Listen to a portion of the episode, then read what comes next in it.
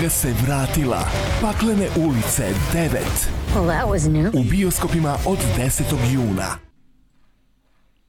Ćao svima, dobro nam došli u Lab 76 broj 106, dobro došli u pakleni Lab 76, koliko reklama na samom početku, pa eto, s jedne strane, pomalo mi čudno moram ti reći, tamo sam skrenuo da izgovorim, dobro došli u Lab 76, ćao svima, kada ono jedna reklama, druga reklama, s jedne strane, nadam se da ćete imati razumevanje, s druge strane, to je super stvar za nas, meni se stvara jedan dečački san, ljudi, Varta nam je postala sponsor, znaš ono kad si kao mali pa baterije, staviš od da vidiš. Ne znam da postoji. Kobart, kobart. da, to još uvijek postoje te baterije.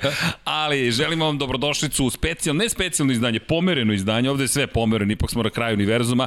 Na vaš zahtev, pošto je toliko bilo upita, pitanja, komentara na društvenim mrežama, kada će, kada će, kada će, mi smo rekli, ok, nema više, lep, ima, ima, postaće u sredu Lep 76 posvećen Moto Grand Prix, ali za ovu nedelju specijalno, da ne bismo imali duplu dozu, jer prošli put smo krenuli s Formula 1, završili smo Moto Grand Prix, ali nekako kao da smo ostali nedorečeni kada je reč o Moto Grand Prix, rekli smo, ok, danas moramo da pričamo o Moto Grand Prix, danas moramo da pričamo o Formuli 1, danas moramo sve to da uradimo i stoga danas, ceo dan, samo sa vama, Dejan Potkoljak, a ko drugi sastavni deo ekipe u portugalskom dresu. Obrigado. E, obrigado, obrigado.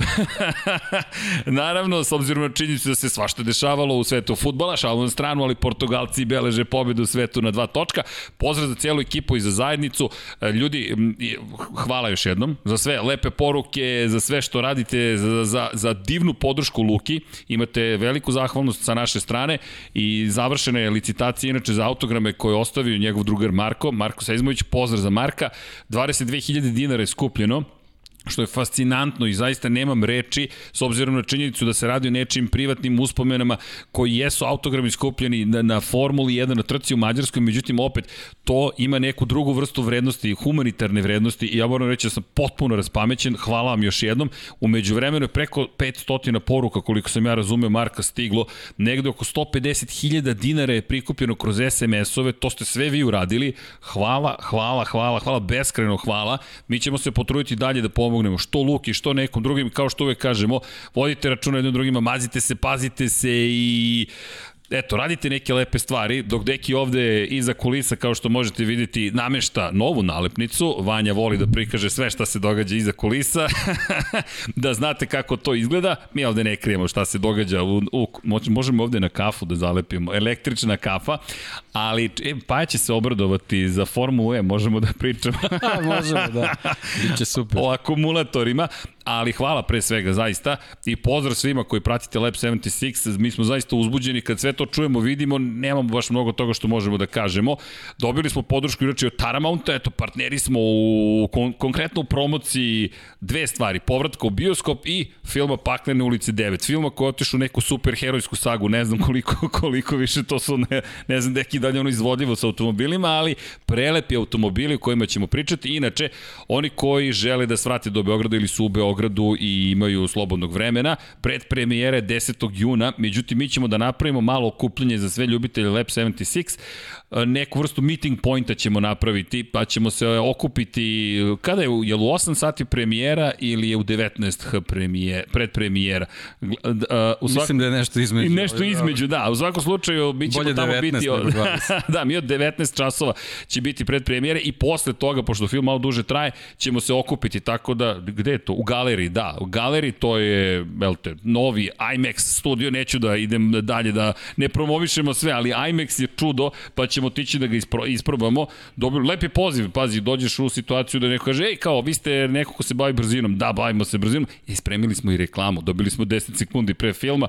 Tako da, eto, držimo se naravno i dalje priče o, o kojoj smo pričali pre godinu dana. Volimo ovo što radimo, uzbuđeni smo, ali eto, dešavaju se lepe stvari, dobijamo vašu podršku, dobijamo sve više sponzora, što je super. Sve te pare ćemo potrošiti. Evo, već je došao Bogdan sa idejama o novim kamerama, novim objektivima, novim idejama i tako dalje. I eto, hvala inače Momčelu koji je tu danas sa nama, Momčelu koji nas obezbe, koji obezbeđuje statistiku, pozdrav za Šejlu, naravno, pozdrav za sve koji radite. Imaćemo za u Formuli 1 i priču o jednom momku koji analizira jedan poseban način šta se događa u Formuli 1. Doći ćemo na to ali deki da mi krenemo s Moto Grand Prix, ja, ja ne znam, kako si završio, ne, kako si preživeo nedelju? Ja znam da je meni bilo toliko napeto, završi se MotoGP, gledaš Fabija Kvartarara koji je otkopčan, dugo mi izvinjenje. U tom momentu zaista nisam znao da šta da predizgovorim po pitanju kazne. I razmišljao sam crna zastava sa naranđastim krugom a, i da li je to kazna, kako, ko je sada, šta sad radiš, kako ti, koju mu zastavu pokazuješ, s obzirom da nešto ne radi, ali nije to stvar na motociklu, stvar je na vozaču, ali opet to je na nivou toga da nešto ne funkcioniše, ugrožava druge, ugrožava njega pre svega, pa potom druge. I posle svega toga ona drama kompletno u Baku i kada se završila sam rekao ok, ja ostavljam telefon, ja se ne javljam nikome dok do daljnjeg. Miguel Oliveira zabeležio neverovatnu ne, ili verovatnu pobedu Inače, pozdrav, dobili smo, na, dobili smo neke lepe poklone, takođe, evo ga ovde KTM-ova kaciga, mada moramo da je vratimo, ali okej, okay, okej. Okay. Imamo tamo, ej da, sat. Nema laži, nema prevare, 6 časova i 07 minuta, do ovo smo dobili, pa kada se budemo trkali ovako držimo i onda sve prođe kako treba. Vanja sad ima i digitalni... Ready to race. Jesmo mi ready to race? Ja mislim da jesmo. Yes, KTM yes. odnosi pobedu Joan, zahvaljujući Miguelu Oliveri, Joan Zarko pozicija 2, Jack Miller pozicija 3, dva Ducatija na pobedničkom postolju, međutim, da li je tebi KTM delovao zaustavljivo uopšte? Mislim, potpuno pozitivno iznenađenje, ono, ako računamo početak sezone i sve probleme s, koji smo, s, koj, s kojima su se susreli, da se tako brzo vrate, fenomenalno, zaista. Videli smo na gomili kadrova ovaj, Danija Pedrosu, ma ne, nema šta, mislim, stvarno ekipa, to smo mnogo puta spomenuli, neverovatno koliko su posvećeni, koliko ozbiljno rade, imaju vozača koji to mogu da sprovedu delo i stvarno fenomenalno, ali iskreno, onako trku, ne, ne možemo da pričamo o master klasu, naravno, ne, ne. ali klasa... Ali klasa ali, je klasa. Teki, to je mi dolazimo to, da. do toga da šta se desi kada dva vozača voze na master klas nivou? Da. Pa Moto Grand Prix Moto Grand Prix. 2021. Da, da, da, da. I momčilo koji je spremio zapravo i tempo u trci i šta se sve događalo, vidjet ćete kasnije tempo Oliveire, ali tempo takođe Fabija Kvartarara, to je, tako su male razlike između njih dvojice. Jedan vozač kada tako vozi kaže što je to masterclass, to je Jorge Lorenzo stil, čovek koji je najupečatljiviji po tom pitanju. Sada mi pričamo o Kvartararu, pa sada pričamo o Oliveiri, ko je sledeći. Poenta je, ja nijednog trenutka nisam posumnjao, znaš i moju priču od prošle godine, da, da je Miguel Oliveira sposoban za taj tempo. Ali u ovom trenutku zaista nisam očekivao da, da KT može, može da izdrži ovaj, do, do kraja trke na taj način, stvarno fenomenalno. Jednostavno, toliko su posvećeni bili poslu, toliko su dobro pripremili motociklu zadnje dve trke da to sjajno. Deki vidi ovo, ove da. grafike inače ponekad vas varaju zašto? Zato što kada pogledate najsporiji krug 1.41.299 i najbrži 1.40.2, pomislite, jao, pa vidi, to je gubitak tempa. Ne, ljudi, tu nema gubitka tempa zato što je prvi krug sporiji od 1.41, 20. krug od 24. Pri čemu ono što je rekao Joanu Zarku na kraju trke Olivira, Ja sam kontrolisao situaciju. Pogledajte broj 23 čuj kontrolisao, on je mogao da bukvalno nestane negde u dodini, ne, ne, ne. Ja čuvam moj gumu, o, ovo, 23. krug, ovaj pad, hvala mom čulu još jednom, i meni inspirativan. 1.40 zapeta, 2 si vozio u četvrtom krugu i onda 1.40 zapeta 3 u 23. To, to je potvrda, potvrda kvaliteta na sve strane. Ili imamo, što se tiče Miguel Olivier, imamo prvu pobedu, znamo kako na Red Bull eh, ringu stigao do nje, malo onako splet sretnjih okolnosti, malo njegova veština, prolazi super. Druga pobeda, domaći teren, pričali smo naša pretpostavka da imamo maksimalnu pripremljenu mašinu za razliku od ostali koji su imali motocikle koji su pregazili čitavu godinu. Verovatno je tako bilo, a ovo je sad bilo jednostavno situacija, svi su jednaki, sedamo, vozimo i apsolutno, apsolutno ovi krugovi pokazuju da je to tako dobro pripremljena trka bila da nije normalno, posebno što imamo, kad pogledamo konačni plasman, pogledamo ostale KTM-ovce, njihove plasmane. Znači, to je jednostavno tokom čitavog vikenda je bilo, naravno, nažalost, bili, bili su padovi, ali bez obzira što su stare šasije kod, kod tek trojki bile jednostavno vidi se ogroman ogroman napredak za sledeću trku i oni dobiju nove najverovatnije pošto su ih sad testirali pričat ćemo i o tome Tako Čeka da imamo četiri, kutak. četiri ozbiljna motocikla imamo za sledeću trku. Tako I da, Miguel Oliveira sedmi Da, u da. šampionatu sveta, da, za ostatak je ozbiljan, 61 poen, ali u prethodne dve trke 45 bodova Miguela Oliveira, 45, Fabio Quartararo je ostvario 35, ali pričamo o Fabio Quartararu, dakle čoveku koji vodi u šampionatu sveta i dalje ima 14 poena prednost odnosno Joana Zarka i pričamo o nekome koji je dominantan ove sezone. Međutim, evo Oliveira polako li sigurno nekako kao da kaže čekajte, rano ste nas otpisali, možda, ali ono što stalno ponavljam za KTM, ti ljudi meni zaista su fascinantni zašto? Honda, koliko godinu i po već govori, imamo probleme, imamo probleme, imamo probleme, imamo probleme, Mark Marquez, Mark Marquez, Marquez, jedino rešenje. Zatim, Yamaha, problemi, problemi, problemi, problemi, problemi, samo je Fabio Quartararo rešenje. Zatim Ducati, godinama, te jedan problem, pe drugi problem, te treći problem. KTM je došao i prvo, prvo je bio podsmeh, kako, kakav crni KTM, šta će se tu desiti. I znam da smo pričali, Zvezdica, ti i ja, ljudi, KTM se bori za pobede. To je tim, samo je pitanje kada će se ovo krenuti. pre godinu dana smo pričali. Tako je, Otprilike, to je malo, to. malo manje možda. I to se sećam vrlo dobro i ti sad pogledaš i kažem i KTM smo otpisali kao prvih 5-6 trka, of, ovo je dramatično, onda vidiš Italiju kao nova šasija, pa dalje je to samo inspiracija ili nije. I dobiješ dominaciju, fantastično, ali mene raduje i njihovo ponašanje prema vozačima. Remy Gardner dobio je ugovor za dolazak u Moto Grand Prix, Raul Fernandez kao da se i tu traži nešto, to je problematično, sada oni su vrlo verni, Danilo Petrucci ima ugovor do kraja sledeće godine, ali, Ali, 16 delivery, delivery. delivery. Možda u ugovoru stoji, Da. ako... Ajde čekamo novu šasiju, Da, da, da ajde. vidimo kako će da bude, ovaj, ali ja verujem da postoji neka klauzula i tu Danilo je toga svestan, jer jednostavno vidimo kako KTM funkcioniše. Nema tu mnogo ovaj, prostora da, da, da a, nekog vozača suviše dugo možeš da čekaš. Mada su oni, to je ono što se meni dopada, dosta lojalni, ali Ne, ne, sve je Sad okej. ćemo videti i Uh, njih na testu. Ne verujem da će bilo ko ostati na vetrometini, ali jednostavno, jednostavno će morati u jednom trenutku da se zna tačno i precizno ko šta kako sledeće godine. vidi, o već... A na Danilu je da, da eto, kad dođe ta nova šasija, da i on pokaže šta zna. Brad Binder je prvi produžio ugovor. I to do kraja 2023. Onda je došao Remy Gardner, dobio ugovor. Onda je došao Miguel Oliveira, produžio ugovor. Sada ostaje samo pitanje četvrtog vozača. Raul Fernandez koji, iako sam je rekao da Remy ne može, Remy me, me ne, Remy, ja sam opet oduševljen kakva vožnja Gardnera Moto dvojci. Samo da konstatujemo kratko, nećemo da skačemo još u Moto dvojke. Wow. Ne, ne kapu, kacigu, šta hoćete, dobro, majicu da skidam, ne bi, ne bi valjalo, ali činjenica je da je Remy Gardner u ovom trenutku fantastičan u Moto dvojkama. Kako vozi, u kojim trenucima, kako diktira tempo, šta radi i KTM deluje kao ekipa koja će biti tako jaka po svim pitanjima da ne znam kako će ih zaustaviti. Ali naravno da ne zaboravimo, Svi su tu u sledećih pet godina. bukvalno Tako pet da- godina i Teh 3 Da. je dobio petogodišnji Tako ugovor. Tako da, RV Ponšaral ne mora da juri sponzore, ne mora da ga boli glava, ne mora da razmišlja o tome da li ću naći još nekoga da nalepi nalepnicu na motocikl. Ne, ne. Ne moram da imam ni jednu jedinu, kao što ih i nema, dovoljno da imam KTM i piše fabrički motor uz sebe i to je to. Tako da je KTM odradio mnogo toga. Ok, čekamo sada Nemačku, potpuno drugačija staza će biti u pitanju, s obzirom na činjenicu da je ipak to staza na kojoj samo imate zavoje. Samo ste u krivini, u krivini, u krivini, u krivini, mada kada pogledamo balans motora, mene je oduševilo to što KTM je neuhvatljiv čak i za Ducati na pravcu, a kroz krivine je neuhvatljiv za Yamahu. I Fabio Quartararo je samo u petoj krivini uspeo, a onda je opet Olivire rekao čekam svoju priliku. KTM je spakovao ono što Suzuki-u nedostaje. Tako je, tako je. Ovo je neki raj. Spoj najboljih. i To je ono što ćemo dobiti od Suzuki tek sledeće godine možda. Pričat ćemo, Kasnite. testirali su Kasnite, momci. Silvan Gintoli, Da, da, da. pa vidi, ka, kasno su ušli u razvoj, ja i dalje mislim da je odlazak Brivija njih Mislim da potpuno to, da, poremetio. da, da. da su se oni izgubili i rekli, ok, mi sada moramo da stvorimo novi tim i umeđu vremenu izgubili svoj moguće, program. moguće da, da Brivio u svom, to jest u njihovom sleku nije sve pisao ovaj, šta planira.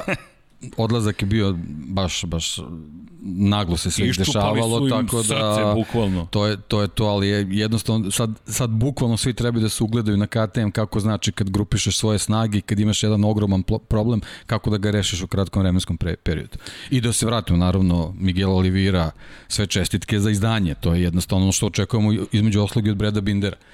On jednostavno mora da, mora da se izdigne na, na ovaj Oliviri nivo koji je stvarno pokazao, pazi čovjek već u svojoj karijeri ima tri Moto Grand Prix pobede, to je to je već ovako veoma, veoma zapažen rezultat, posebno na, na ovom nivou razvoja KTM. Zaista sjajno. Da, Brad Bill, da. ok, ali vidi, Olivira da. takođe sebe nameće. I kaže, čekajte, da se zna ko je ovde glavni, jer ne zaboravimo, da. najbolje delove u KTM-u će dobijeti onaj koji je najbolje plasiran u šampionatu sveta. To se zna. To se zna. To se zna. Nema, nema kao ustaneš ujutro pa si iznenadio. Ne, zato, ne. zato pričamo o Danilu Petrućiju moraš da ne bi kaskao, moraš da pokažeš ono što šta umeš, sigurno, znamo, znamo da vredi, ali šljunak nikako nije opcija, to jednostavno mora, mora da se promeni. I ako je, eto, ako je još nešto ovaj, da vežemo čito ovu priču i našu scenografiju, ako je nešto bitno za, za Moto Grand Prix, ako, ako ovi rezultati Olivire mogu da nam ovaj, donesu da nam Portimao ostane u kalendaru, bilo bi fenomenalno. Posebno kad dođe publika, tamo ćemo sigurno imati jednu od posećenijih trka, festival pravi, tako da to stvarno može da bude ovaj, fenomenalno. Dobro. Tako, inače, Inače, dres. Dres. Ovo je Fićin dres. Dobro. Filip Cvetićanin je oh, reprezentativac wow. Portugala. ovaj, mogu slovno kažem s ponosom moje dete od, od mog ono, jednog od najboljih prijatelja iz detinstva. Vladimir, njegova supruga jasno upoznali su u Portugalu, rukometna porodica, oboje su profesionalno igrali rukomet u, u, u Portugalu, tamo su se upoznati, upoznali, Filip se tamo i rodio. Evo, momak je rođen 96. godine, reprezentativac je Portugala, izborili su učešće na evropskom prvenstvu gde će zamisli biti u grupi sa Srbijom. Tako da sve je to nekako povezano, uskoro ćemo i u Sports magazinu imati ovaj jedan intervju sa Fićom, nadam se što pre. Inače trebam da pohvalim Infinity Lighthouse, punom parom se radi na redizajnu sajta Sports Magazine, vidjet ćete uskoro Tako Powered je. by Infinity Powered Lighthouse. by Infinity da, da, da. Lighthouse. Da. Čujte, kad neko dođe, i to, a taj neko je gospodin Dejan Potkonjak i vi vidite da tu nešto može da se pomogne, šta smo rekli? Uvek pomozite nama, Deki pomaže od, od prvog momenta, Deki koji je na jedan telefon, e, Deki, hoće da se vratiš u podcast. O, okej. Okay. da, tako je krenulo. Da, da si znao. da, da, da li mi se javio to? Ključno pitanje. Da. Kažemo vam, ko uđe ovaj studio, teško izlazi odavde, ali dobro. Ponekad je gore, ponekad je dole, kao sa KTM-om. Odjednom tri pobede, pa odjednom nema pobede, pa odjednom ponovo pobede, ali to valjda čini stvari tako uzbudljivim. Pokreće se taj točak. I tako ali KTM da, nekako nam je doneo osmeh na lice, ceo taj nastup, gledaš opet Portugalca, već se polako navikavaš, nemaš više sada Portugal, prva pobeda u istoriji, ne ne, treća je u istoriji. Sa lakoćom. Sa lakoćom, to jest da. izgleda lako, da, lako da, sa da. strane. I naravno da... Ono da, Morbidelli style. Znaš, njih pa, dvojica su mi ej, nekako onako to je, to je dobro, pa da. pa pazi, Brazil, Brazil portugalski. Portugal, ba, da, to je ta linija. to je to. Ta, lagano, da. igramo jedan ples. Dobro, ali svaka čast, zaista. I da, pozdrav za Filipa, tako da, eto, visok momak. Pozdrav za Portugal. Portugal, da. Cetićanin, pozdrav svima. Da, da. Stric njegov Aleksandar, on se potrudio da dobijemo ovaj dresove, saks, super. hvala, svaka čast, tako da super, super. Ponosno smo ovde i nosimo ih, da. I tako, kaže nešto baguje, jel bagujemo ili smo živi? Jel sad sve u redu? Dobro je, nešto je bagovalo, ne zamerite, ali mi to kao KTM, mi smo, ili smo na aprilinom trenutno, ali u MotoGP-u smo, nema ko je, ko uopšte se takmiči ovde, ali činjenica je da, da je KTM uradio fantastičan posao, no Fabio Quartararo, druga najveća priča, da, da nije pobedio baš KTM, da je neko ko redovno pobeđuje, mada ovo postaje sad redovna stvar, pričali bismo vjerojatno odmah o Quartararu i to je bilo neko otvaranje. Fabio Quartararo u borbi za titulu šampiona sveta, teška, zahtevna trka, start nije bio idealan naprotiv, vratio se međutim u igru, pokazao, mogu i da budem peti, šesti, pazi, on je bio uzvinjale sa jednom momentu i zna ipak gde da pretekne, kako da pretekne. Tačno se videlo kako uči tokom trke uh, gde će da napada. Peta krivina bila je njegova krivina, vrlo teška krivina. To se ne kamerama ne vidi, to je spust. Ljudi, ta krivina broj 1 je dole I onda idete u drugu, treću i tu sad već počinje uspon. I vi se penjete gore na brdo, onda dolazite na jednu ravan, bukvalno visoravan, pa četvrta 180 stepeni, manje više se za petu vraćate tamo gde ste bili na startno ciljnom pravcu. Da, otprilike čak mislim da je peta krivina za par metara i niža u visinskoj razlici odnosno na startni da. pravac, čini mi se. Ono što je lepo, da. što ti možeš ovde da stojiš na ovoj tački između dve krivine da fotografišeš i prvu i petu krivinu relativno lako, dok kad oni ovde prođu ti prošetaš par metara, zauzmeš poziciju kod odbojne ograde i fotografišeš. Međutim, to je pad i skretanje u levo i to vrlo ošto skretanje u levo. Zapravo se ne vidi dovoljno koliko je oštra ta krivina. I onda nastavljaš u suprotnom smeru praktično, pa kroz šestu, sedmu, osmu, devetu, uzbrdo, gore na brdo, uzbrdo, da, da, da, to je, pa da deveta koja je na visoravni, pa onda ideš na dole ka desetoj, pa opet uzbrdo 10, 2 i onda 13, 14, fu, samo se sjuriš ovako. Ali ono što je tu bilo zanimljivo jeste kako je kako je našao načina da pretiče. Vinjalis nije našao načina da pretiče, pričat ćemo o Maveriku najbrže smo na testu, ali ne i u trci Vinjalisu i e, Fabio Quartararo koji je eto, izazvao ozbiljne kontroverze, e, mo, kažem još jedno moje izvinje, u tom trenutku ovako razmišljam, mehanički kvar, nije mehanički kvar. Ne mogu da otvorim u tom trenutku pravilnik i da vam kažem sa, sa 100 palca, mora da kažem u prenosu, izvinjam se, ne znam. I u tom momentu kažem, ok, svaka čast na hrabrosti, ali isto vremeno to je ludost ozbiljna. Zašto? Otvoreno je, za one koji ne znaju, u jednom momentu, tri kruga pre kraja trke, Fabio Quartararo se otvara odelo, zaštitno odelo. On gubi čak kontrolu u prvoj krivini nad motociklom, podiže motocikl, nastavlja, međutim, skida svoj zaštitnik, to, to je, prvo to je ogromna opasnost. Taj zaštitnik služi da zaštiti što stomak, što grudni, abdomen generalno, i nažalost imali smo situacije kada, zašto je uvedeno? Pa ima više razloga, imate i činjenicu da možete da udarite o rezervoar, takođe kada padnete, nažalost može neko da pređe preko vas, to, sam, to nam se ne dešavalo, Šoja Tomizave nažalost tako izgubio život. I on to baca, zatim to je projektil tamo negde iza, zatim spušta ga, on postaje potpuno nezaštićen, otvara se odelo. U slučaju pada, ne aktivira se vazdušni jastuk, to je prva stvar. To je u stvari meni bila najveća nepoznanica. Da li je zakopčavanje full kombinezona da. povezano sa aktiviranjem? Jeste. Ako je tako, on je morao da bude sklonjen sa staze. Ali deki, postoji problem. U pravilniku ne piše eksplicitno. Pazi, pazi sad ovo. E, e, to, to je ono što je super. Baš se dosta diskutovalo. David Emmett je tu super dao komentar u pravilniku piše moraš da imaš odelo koje posjeduje vazdušni jastuk. Ali ne piše da moraš da, da ga aktiviraš. Da, da, da, I veliki broj vozača deaktivira vazdušni jastuk tokom trke jer ne želi da im se slučajno aktivira i da onda voze pod naduvanim kombinezonom kao što je Brad Binder vozio kada ga je zakačio Mark Marquez u Muđelu. Sami vozači deaktiviraju zaštitu kako bi bili brži i značajno povećavaju rizik od povrede.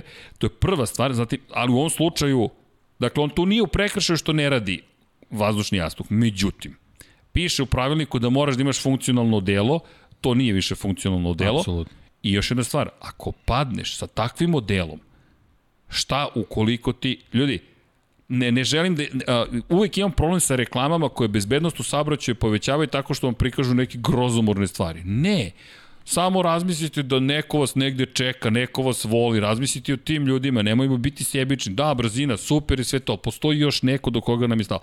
I lepo, lepo je biti živ i zdrav, baš je lepo. Ali činjenica je, takav pad, pri tim brzinama, što, trenje, brzina, u Ma imali smo da primjelu u kvalifikacijama, Millerov pad, Naš te lični Millerov kombinezon. Pad, kombinezon potpuno uništen. Jedna reklama se nije videla na leđima. To, to je 3-4 mm sloja skinuto, da, sigurno. Znači, apsolutno ne, mislim, e, što se mene vidi. tiče, nema dileme. On je morao da bude sklonjen sa staze zbog sebe. Apsolutno ne moramo ni o čemu drugom da pričamo. Bez obzira da li je reč o Kvartararu ili, ili ne znamo Savadoriju. Pozicija u šampionatu, u trci, uh, rating vozača, Valentino Rossi da mu se to desilo. Apsolutno sklanjanje sa staze. U borbi za titulu da mu se desilo, mora da ga sklone sa, sa titula. Sa titula. Mora da ga sklone sa staze. Ima tu još jedna bitna stvar po opasnosti i za druge. Zašto? Naravno. Pa ne, nema šanse da, da tebi ne prolazi kroz glavu to. Ako ti puštaš i pokušavaš da namestiš ti čekaj, ti već sada koliko, imaš ti kontrolu, ti si mega profesionalni vozač, ali čekaj, ti u tom trenutku se boriš za visoke pozicije, ti si s nekim drugim na stazi, već tada ugrožavaš i druge. Pa, uh, opet, opet je mir napadnut zbog izjave, čovek je apsolutno sve, sve rekao što stoji. Znači u jednom trenutku, ako je Quartararo bio taj koji se oslobodio plastičnog dodatka, ako nije sam ispao, ako, znači on je u jednom trenutku bio bez jedne ruke na upravljaču. Da. Apsolutno nedopustivo, u Moto Grand Prix. M puštaš balistički projektil da ide iza tebe, ok, možda je lagan, pa možda ne predseda ne, vozu, ali kako ti možeš to da garantuješ? Na toj brzini ne može. E, šta se dešavalo? Ne, ne mora da bude... Može da se u, da uplete to sam se hteo da točak. kažem, ne mora uopšte da bude vezano samo za bezbednost u smislu povrede drugog vozača. A, a, folije sa vizira su, deš, su, su dovodile do, do tehničkog Odustaj. problema. Jack Miller prošle godine znači, u Mizanu. Taj isto plastični deo je recimo mogao, mogao da udari u aerodinamički dodatak drugog motocikla da ga polomi da nekom poremeti trku. Znači, apsolutno ne moramo da pričamo ni, ni o bezbednostnom aspektu, a moramo. A, ali pazi, samo jedna bitna Tako da- napomena, da, a eksplicitna napomena. Svaka čast kvartararu na borbenosti. Svaka Ma, čast sve to na svemu. To ti, to ti isto kao, kao borbenost uh, Marka Markeza prošle godine koji seo na motociklu uz preporuku da ne, ne radi to. To, to je apsolutno isto. Hoćemo zajedno. To se ne radi. to se ne radi. to tako se ne je, radi. Tako je. Ali, do, takođe, lako je sada dva dana kasnije to prokomentarisati. Vjeruj mi, deki, ja u tom trenutku sam bio zbunjen. Rekao, šta sada? Za, za mnogo bezazlenije stvari se dobija dugi krug, prolazak kroz boks i tako dalje. I, i tu ću da završim. Znači, apsolutno... Ali vidi, ne u odbranu, samo u konstatacija. Mi stalno učimo kroz incidente. Nažalost, tako dok je. se nešto ne desi, kome bi palno na pamet, evo, ja pozivam i vas. Da inače, lajkujte video, molim vas, dakle i subscribe udrite, ali point u sledećem, ko, evo, neka kaže kome je palo na pamet pre ove trke da će gledati vozača Moto Grand Prix sa raskupčanim kombinezonom bez Tako, zaštite. I tu sad recimo dolazimo do, do stvari, recimo FIA ima kampanju o bezbednosti, između da. oslog u njoj učestvuju i motocikli, motociklisti, nosite kacig i tako dalje. Kakva je ovo poruka? Znači, no, vozite sa otvorenim kombinezonom. Da, da, ali samo hoću da kažem... Ne može. Ne, morali su da reaguju, ali je.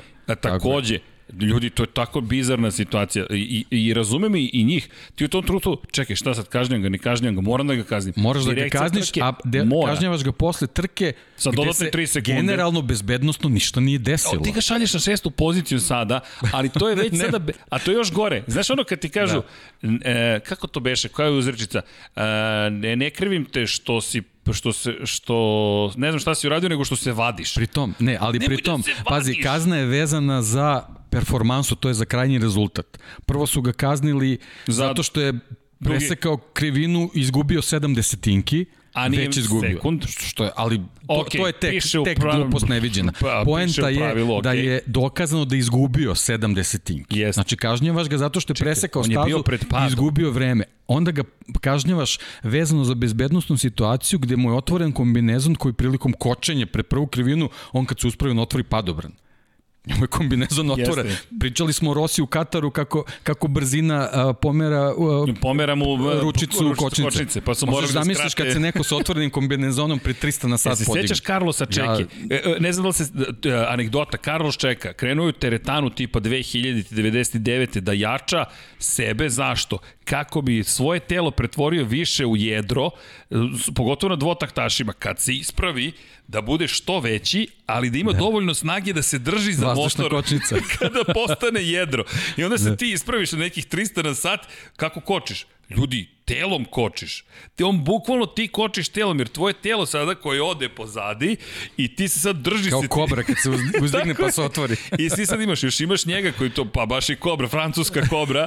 Naravno, Fabio da. Quartararo u svom duhu seo, u svom duhu seo go, manje više, samo u gaćama, sutra da na motocikl i rekao da sakriven 79. Morao sam mu kažem, tri kruga više si vozio, 76 je trebalo da voziš, ali okej, okay, nije još upoznat očigledno.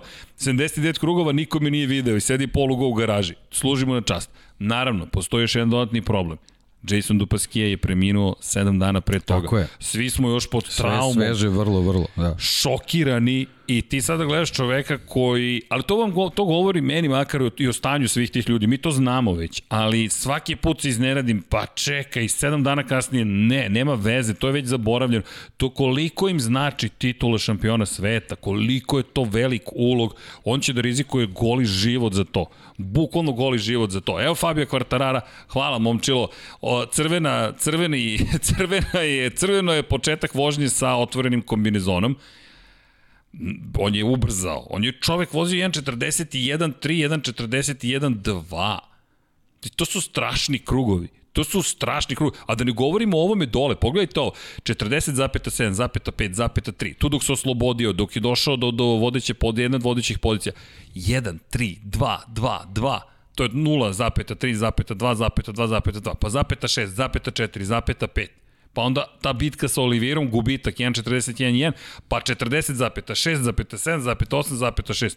Deki njih dvojica nisu vozili na ovoj planeti. Oni su bili, oni su bili na drugom kraju univerzuma potpuno neka deseta dimenzija. I žao mi je iz te perspektive što se otvorilo, što se otvorilo delo da Naravno, da vidimo da, šta da, bi tu na kraju da. bilo. Pogotovo i taj dul sa da. potencijalnom Ne znam šta bi bilo, jednostavno već smo videli kroz neke trke ranije, Yamaha mora da vodi da bi, da bi zabeležila pobede. Nismo još videli situaciju da u tom finišu... Ne u finišu, da, na početku kad da, povedu. Da. E, ove godine su napredoli, ne, više ne moraju da vode od prvog kruga. Da. To je, mogu postoji. od četvrtog, tako je, tako je, ali da li da. mogu od 23. E, to, to. Ok, ima tu još to. sada stvari koje treba rešiti. Ali dobro, Fabio Quartararo, ovo nije kritika, ne, ne, ne, šta, da, šta da kritikujemo? To što je mlad, što je jednostavno beskrajno hrabar. Ne, ali ovo nema veze s njim. Ne, nema veze s njim, ovo je s direkcijom trke. Tako Morala je da ga diskvalifikuje kada već pri nije. Pri tomu u čitavoj priči mi stalno spomenjamo vozače, nekadašnje šampione koji sede u tim nekim komisijama za tim nekim var stolom da koristimo da, tvoj taj, omiljeni var. da, da, da, da koristimo taj izraz. Mislim, oni vrlo dobro znaju šta to znači. Jednostavno, a, nema tu a, a, neke zadrške kao ne smemo da donesemo takvu odluku, ili ko zna šta će neko da nam kaže. Ne, nema, ti u takvim situacijama si čist pred sobom i pred, pred svima. Jednostavno, to je velika opasnost, loša poruka, kako god, iz koje, iz koje god perspektive se gleda, on jednostavno morao na kraju krajeva prođu kroz boks, uspravi se za kopče, ne izađe na stazu, izgubi bod bodove i okej. Okay. Zaista ne branim nikoga, ali takođe direkcija trke je I mislim da se izgubilo u potpunosti, toliko je i pod raznim kritikama i udarima kritičara, uključujući i nas, da ja mislim da oni sada razmišljaju više šta će neko drugi reći nego šta mi treba da uradimo. I onda baš rade ono suprotno od onoga što bi trebalo da uradi. Prvo moraju da provene pravilnik o, o, o zelenoj, po... ne o pravilnik o zelenoj površini, crtanje zelenih površina, kao što si rekao na izgledu iz krivina, zatim šta još moraju da promene. Situacija kada vozač pogreši, čekaj, vozač je pogrešio, izgubio je vreme, ali mi smo napisali da mora jedan sekund. Mogu jedan, jedan primer samo da ti Molim te. 2009. VRC. Sebastian Loeb i Peter Solberg se bore za treće mesto na reliju Sardinija, na posl poslednje mesto na podijumu i velika je borba za titulu. A, Loebu puca guma na, a, na specijalnom ispitu, a, tokom specijalnog ispita on i suvozač Daniel Elena se zaustavljaju da zamene gumu a, vozilo se još nije zaustavilo. Znači, vozilo ide a, da, da, da uspori da bi stali da zamene gume pre nego što se automobil zaustavio. Daniel Elena je otkopčao pojaseve. Dva minuta kazne su dobili za to. Sve jasno. Samo je otpustio pojaseve da bi brže izašao iz automobila. Tamo je striktno pravilo. Tokom specijalnih ispita, apsolutno svi bezbednostni uslovi moraju da budu poštovani. Vidi. Znači pričamo o četiri točka, o kabini, o kokpitu i tako dalje i tako Jeste, dalje. Ovde ali, skroz drugačija ali, priča. Ali deki, budi realan. Ja mislim da MotoGP tek stiže do nekih stvari do kojih je Reli zajedno sa Formulom Nažalost, 1... ja ponovo se vraćam. Ovo je 80. 90. Ali nemojte da tako teško učite kao što je Formula 1 učila, vidi, to ih samo moli. I na sreću Eto, i nažalost. To je to, da. A, da, da. Što se tiče trkanja, na sreću mi smo sada u situaciji da mi pričamo o tome da je ovo zaista ono, ono zlatno vreme praktično. Ti pričamo praktično o zlatnom vremenu, ali zlatno vreme rezultatsko može da donese i da, neke otkrivaju elektroniku, aerodinamiku, Jeste. krajnje tačke, domet i tako dalje. To je, to je taj neki period, ali što se tiče ovih delova i prošle godine smo imali jako, jako teške situacije, nažalost imali smo i pre nekoliko dana i pogibiju, ja, eto, ja se samo nadam da su ovo neki poslednji slučajevi iz kojih će stvarno učiti uh, šta se dešava, da jednostavno... Smem da ti uh, dam predviđanje, izvini. Nije poslednji slučaj. Pa, Znaš zašto? Nažalost, Zato što, da. da li, evo, ja ću ti ponoviti, da li prošle srede smo mogli ti ja da kažemo, a, Kvartararu će, Kvartararu će, čekaj, ti si dao pod naslov, a, kralj naslova i pod naslova, Goliševi vode, lider. Tako da, znate, ovde najmaštovitija osoba u studiju, Dejan Potkonjak, hvala na tome. Obrigado. Obrigado. Još sam razmišljao, čekaj, da li da dodamo Olivira i kada te mu uhvatili zanati? Onda razmišljam, neki časovnik da ubacimo u celu priču, znaš, hronometar i svi mi gledaju, zašto pre veruješ. Pa kao Nate Oliviri da bude eksplod. E, imaš goliševog lidera i svi počnu se smeju. Rekao, ok, Deki je pobedio, kraj priče. Tako da, eto, goliševi lider i, i treći deo pod naslova, čovek koji je na poziciji broj 2 da. Mirovski, Joan Zarko. Da, da ne ljudi ne pomisle, ne, ne po vožnji.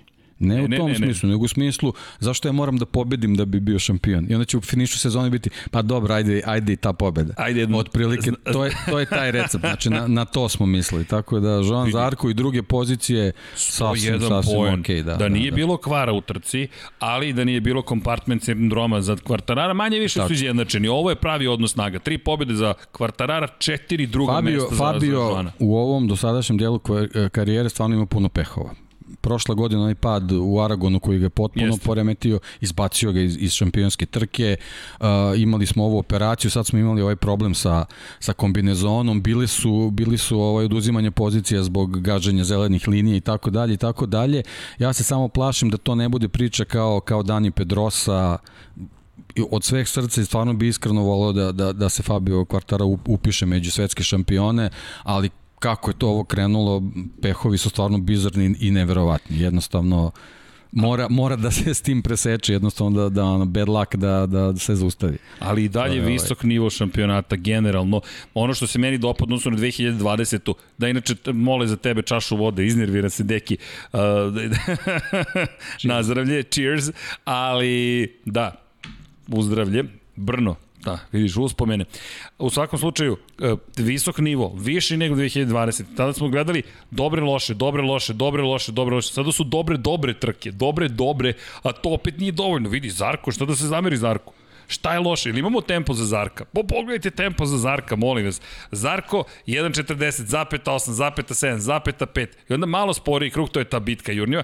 Tačka 2, 39 zapeta 9. Okej. Okay 39 To nije po mirovom receptu nikako. ne, to nije po mirovom receptu. To nije po ali nije receptu. pomirljiv. Da. Dakle, ovo je Zarkova priča, je. ovo je, ovo je njegov svet. Od da. početka do kraja, gde smo stali? Na 1.40, 1.39,9. 1.40,158. Ljudi moji, pa on ne da nije Ne da nije vozio sporo, nego je prašio taj Ducati. I onda 40,5,6,4 i tu smo pričali zaglavljenje. Zaglavljenje iza Mira. Kada bi pretekao Mira? Moment kada je pretekao Mira i to ono što mi je zanimljivo bilo, rekao je, e, od tog momenta sam se usporio. I onda kreće 1.40,9, 41,0, 41,0, 0,9, 0,5, 0,8, 0,6. To nije loše, ta tri kruga. I poslednja tri su ispod 1.41, ali rekao je Olivira, Znao sam šta radim. Tako da je rekao Zarko, nisam ljut na sebe. Ima tu još prostora, Ducati nije tako svemoćan na pravcima kao što je delovao na nekim drugim stazama. Meni je Suzuki ozbiljno iznenadio. Iznenadio je. KTM i Suzuki. Ja sam mislio da će to biti Samo lakše. što se vidi se ta razlika u snazi, to pričam. Ali... To je ono što, to je taj veliki korak koji, koji Suzuki nedostaju, posebno vezano za taj jedan kvalifikacioni krug. To je i neki konstantniji vozač, eto da spomenemo i Rinsa, jednostavno neverovatno da sebi dozvoliš da u ovakvom trenutku sezone se ti desi ta povreda, da, da. Deki, ti ja znamo. na stazi. Na stazi? Da, e, to, je... to je, ljudi. vidi, e, ti i ja, trčali smo, ok, trčali smo tom stazom, to je, ja moram, taj, moram da nađem taj snimak gde se ja snimam zato što hoću da pošaljem nešto za Instagram, nemam pojma šta sam radio, nešto sam divljao po Instagramu u tom trenutku, da nismo imali drugog snimatelja i rekao, ki moram da nađem kameru da snimam šta se zbiva na stazi i krećem da snimam i samo pored mene proleće. Ne, prvo je bio Dami, pa onda sam krenuo sa, onda sam izletao iz avetrenja i prošao jeste, da, jeste, da, da, jeste, da. ali si me Probao si da zatvoriš desnu stranu, ja sam se prebacio na levo sam. i prošao, da, da, da. Iskusno. Gospodin Potkonjak, to je bilo spust, da. kad, kad smo došli do uzbrdice, to je, to je se završilo. Pa to, to je bio kraj, da. Dok je gravitacija Prešli smo na krivinu 10, dosta je bilo. Dosta trčimo. Gravitacija je Dobro, ti si istračao krug. Jesam. U, čast. kakav ponos. Da, to ćemo ovaj, da uvedemo kad krenemo na, na, na, na ove staze da To mi je san, da, pravimo, da, da, u, da. U, u, u, u, evo imamo ovde još jednu osobu koja želi da trči. Dom za Pablo, početak da spustim kilometar ispod 6 minuta. ja, ja rekao kilažu, ali dobro, ajde sad. Pa to je povezano, znaš kako. okay, to, je, to je vezano, da. Ej, nisam loše tada trčao, neki tempo ispod 5 minuta po kilometru, to, to vrlo sam zadovoljan. Samo je lepa atmosfera kad dođeš, sve, sve je super. Veruj mi, nije lepa do četvrte krivine, kad shvatiš do ona treće krivine. Da si tek u četvrtoj krivini. ti trčiš, trčiš i kažeš čekaj, dođeš do a onda se obraduješ. Spust, ne, ne, da. obraduješ se kod pete, veruj mi, kako znam zašto potpunjim tu petu, kako se spustio ka petoj krivini, bi se uzano, ok, ovo je, huh, ovo je, ovo je moj trenutak. I znaš gde te najviše povuče, gde ti je potrebno zaista da, da, da se samo motivišeš? u desetoj krivini. Kada vidiš ono skretanje ulevo i onaj uspon ka 12. Jeste. Nije ti sve jedno. I onda, da zapravo stalno pričamo dva brda, tri brda imamo u Kataluniji i onda je zapravo spojeno, ali ti imaš spust pa se vrati nazad ali jeste teško. Sa jednom konjskom snagom. ne ide nikako. Ah, kolega, preterujete. Ali Ne dobro. nikako. I onda Jurnjeva na startnu ciljni pravac, kako sam se radovao. E, ali to je moram da pozdravim Coka. Cok koji je snimio neverovatne kadrove u, u, u našoj karijeri zajedničkoj. Puno toga smo lepog uradili i međutim ima, ima i tih dana kad poželite da, da, da, da, da, da, da, da, da, da odete do boks ringa, ali ne kao i kvazi bokserski meč. Cok i ja se dogovorimo da istrčim stazu, to je godina pre, i da me čeka na startnom ciljnom pravcu, jer smo običali zapravo nekome ko je odlučio da li možemo da idemo ili ne, da ćemo da istrčimo i da ćemo da snimimo. I dogovorimo se, ok, da ne trči cok, to je suludo, sačekat ima snimi početak i kraj. Ja posle 25 minuta trčanja istrčavam iz one poslednje krivine, jurim ka cilju i viče, i vidim nema coka i vičem cok, cok, cok, nema coka. Dolazim do, do, do medijskog centra koji je providan i gledam cok pije kafu s nekom devojkom, rekao ok. ok, nema nikakvih primetbi, rekao, dobro cok, ja mator, ja zaboravio. rekao, Pa, dugo je vreme, pola sata. Pola sata. Čovjek je stajao, neka devojka je naišla i on je bio u fazonu, ajmo na kafu. Ajmo na kafu. I tako. Elem, sad u Barceloni, ne znam ko je koga zvao na kafu, ali Zoran, Joan Zarko je još jedna bitna napomena sve bliži pobedi, što za sebe prvo i što za Pramak i najbolje plasirani Ducati. A dobio je produženje ugovora do kraja sledeće godine, što je ogroman signal Ducatija. To je kao poruka i Banjaji i Milleru. Momci, mi imamo rezervu za vas dvojicu, vodite računa, jer Jack Miller je sada treći u šampionatu i Banjaja ima dve loše trke. Nije završio prethodnu, sada je bio sedmi kakvi god da su uslovi, Banja je to sebi, ako želi da bude šampion sveta, ne može da priušti. 25 poena sada Miller zaostaje, za kvartararom 27, još je imao sreće u celoj priči, zaostaje Banjaja. Hvala, da naravno, naravno. Zašto sumnjamo uopšte da kombinacija uh, Vukić i Vanja, kako ćemo? Jel ti dajemo nadimak ili... Kako? Roko. Prohor. Roko. Rohor. Roko. Roho. Ni, Roho, ništa ne razumem, ali dobro. Ok, mator sam ja čoveče, ko zna šta treba da izgovorim. Ali dobro, Momčilo i Vanja su napravili ovu grafiku, 115 bodova, 101, pogledajte sad ovaj Zarko koji drži, Zarko drži svoj tempo, Banjaja počinje da popušta, Miller koji ide malo gore, malo dole, ali Zarko nema, to konstantan je i, i to ono što je fenomenalno videti, ali Vidjet Tri Ducatija. Da, tri Ducatija, vidjet ćemo da, koji Ducati. Meni, Roko, a, Vanja Roko, okej. Okay. Roko ko? Okej. Okay. dakle, poenta je da je da je meni Zarko čovek koji je rođen da osvoji titulu s Ducatijem. To, to mi, tako mi deluje zašto. Jer ovo je upravo što si rekao Mirovski. Jedini kiks je u suštini Jerez, a i to je pitanje koliki je kiks, mada to su Miller i, Kvart, i, i Banjaja bili prvi drugi, tako da to moramo smatrati kiksom, ipak je morao više na Ducatiju, ali sve ostalo sjajno. Sad, da li će osvojiti titulu, opet svodi se ono što si rekao na Kvartarara. No, da ne zaboravimo, kada smo već spomenuli Ducatije, Jack Miller, dobra trka na kraju. Na kraju, vidi, ovo je ono što je fascinantno je opet priča s početka. Tempo Jacka Millera, 40,8, zapeta 6, zapeta 3, jedan spori krug kada se gube pozicije, tačka 3, tačka 3, tačka 4, tačka 4, tačka 6, tačka 4, tačka... Čuj, soli, mislim, svak, svakoj drugoj trci ovo je dovoljno. Prosto kada se trkaš protiv ovakvog Oliveire, nije dovoljno i to je ono što smo pričali u master klasu. U većini drugih situacija ovakav tempo, to je gotovo ravna linija, nemaš šta da zameriš vozaču. Da, njima je samo problem što o, ovaj rezultat Olivire očigledno neće biti ovaj pojedinačni slučaj. To je ono što sad može ovaj Ducati malo, malo da poremeti u njihovim planovima sa Neće početka biti sezone. ali verujem- anomalija. Da, mislim da neće biti anomalija, tako da posebno ako, ako i Binder malo uhvati zamah, ako Petrući se popravi kad i njemu stigne nova šasija, to su već tri ozbiljna motocikla na koje Ducati mora, mora da vodi računa posebno zbog onog što si rekao. Na pravcu više nismo toliko brzi, a pitanje je koliko možemo da im odgovorimo u brzim krivinama i na sporim krivinama sa mnogo izmena. Ili na pravcu više nismo toliko brži. Da. Brzi i dalje, ali ostali su nešto uspeli da pronađu. Inače, za KTM to nismo ispričali, Pričali smo prošle put da je rešenje u tom ramu, verovatno, međutim sada su svi sigurni da je taj ram doneo dve bitne stvari, sigurnost na kočenju, stabilnost na kočenju i brže vreme podizanja motocikla. Ranije mogu da se da podignu motocikl praktično na izlasku iz koji ne da dodaju gas.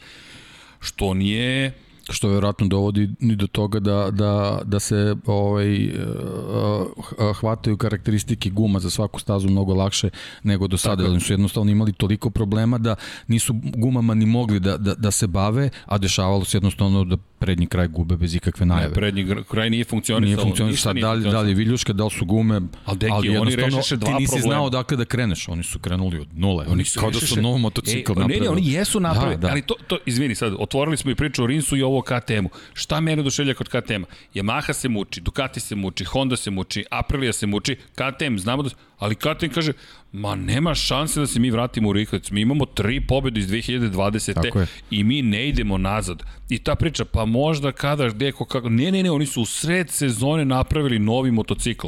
Bukvalno, šta su smeli da izmene, to su izmenili. Ne možemo motor, nema problema. Ostalo ćemo da promenimo. I opet ta priča o ramu, gledamo Markeza, Pa, pazi, po, po ovim performansom vidimo da motor i nije bio problem. Nije Pa ovo sad nije. preko noći. Ne, ne, ovo je isti motor, dobijeno. ti ne možeš da Tako je. menjaš motor. Ti si Tako ga je. zapečatio, ti Tako si, je. ti si planove dao na početku godine i rekao to je to, nema izmena, osim zarad povećanja pouzdanosti. Fantastično. No, da ne vratimo se, da se ne vraćam ponovo na KTM. Spomenuo si malo pre Rinsa. Pao je to ono što smo krenuli da pričamo zapravo, pa smo odlutali. Ja sam odlutao, sorry. A, test. U četvrtak vi dođete na stazu. Ima vozača, ne znam, Lewis Hamilton u Formuli 1, koji je sedmostruki svetski šampion, kaže meni taj, to, ta šetnja stazom potpuno nepotrebna. Međutim, šta nije nepotrebno? Vožnje biciklom u kontekstu održanja dobre forme. I vi ste ovde u prvici da izađete na stazu, da vozite stazom, pričali smo dole, gore, to je odličan trening, međutim, brzine koje možete da razvijete jesu veoma ozbiljne i na ta dva točka. Rins je napravio ne, blago rečeno nepromišljenu grešku, ne znam kao, dakle mu da je tako da se zaleti, nema, ne da nema potrebe, ne smeš. I sad ironija, znaš koliko ljudi mi je prišlo i reklo, Rins, pa on samo pada. I sad to počinje da bude šala, Rins samo pada. Gde pada? Na biciklu, na Sa motociklu. trotineta, Sa sa, troti... Znaš, to sad postoje, ali to je sa stolice.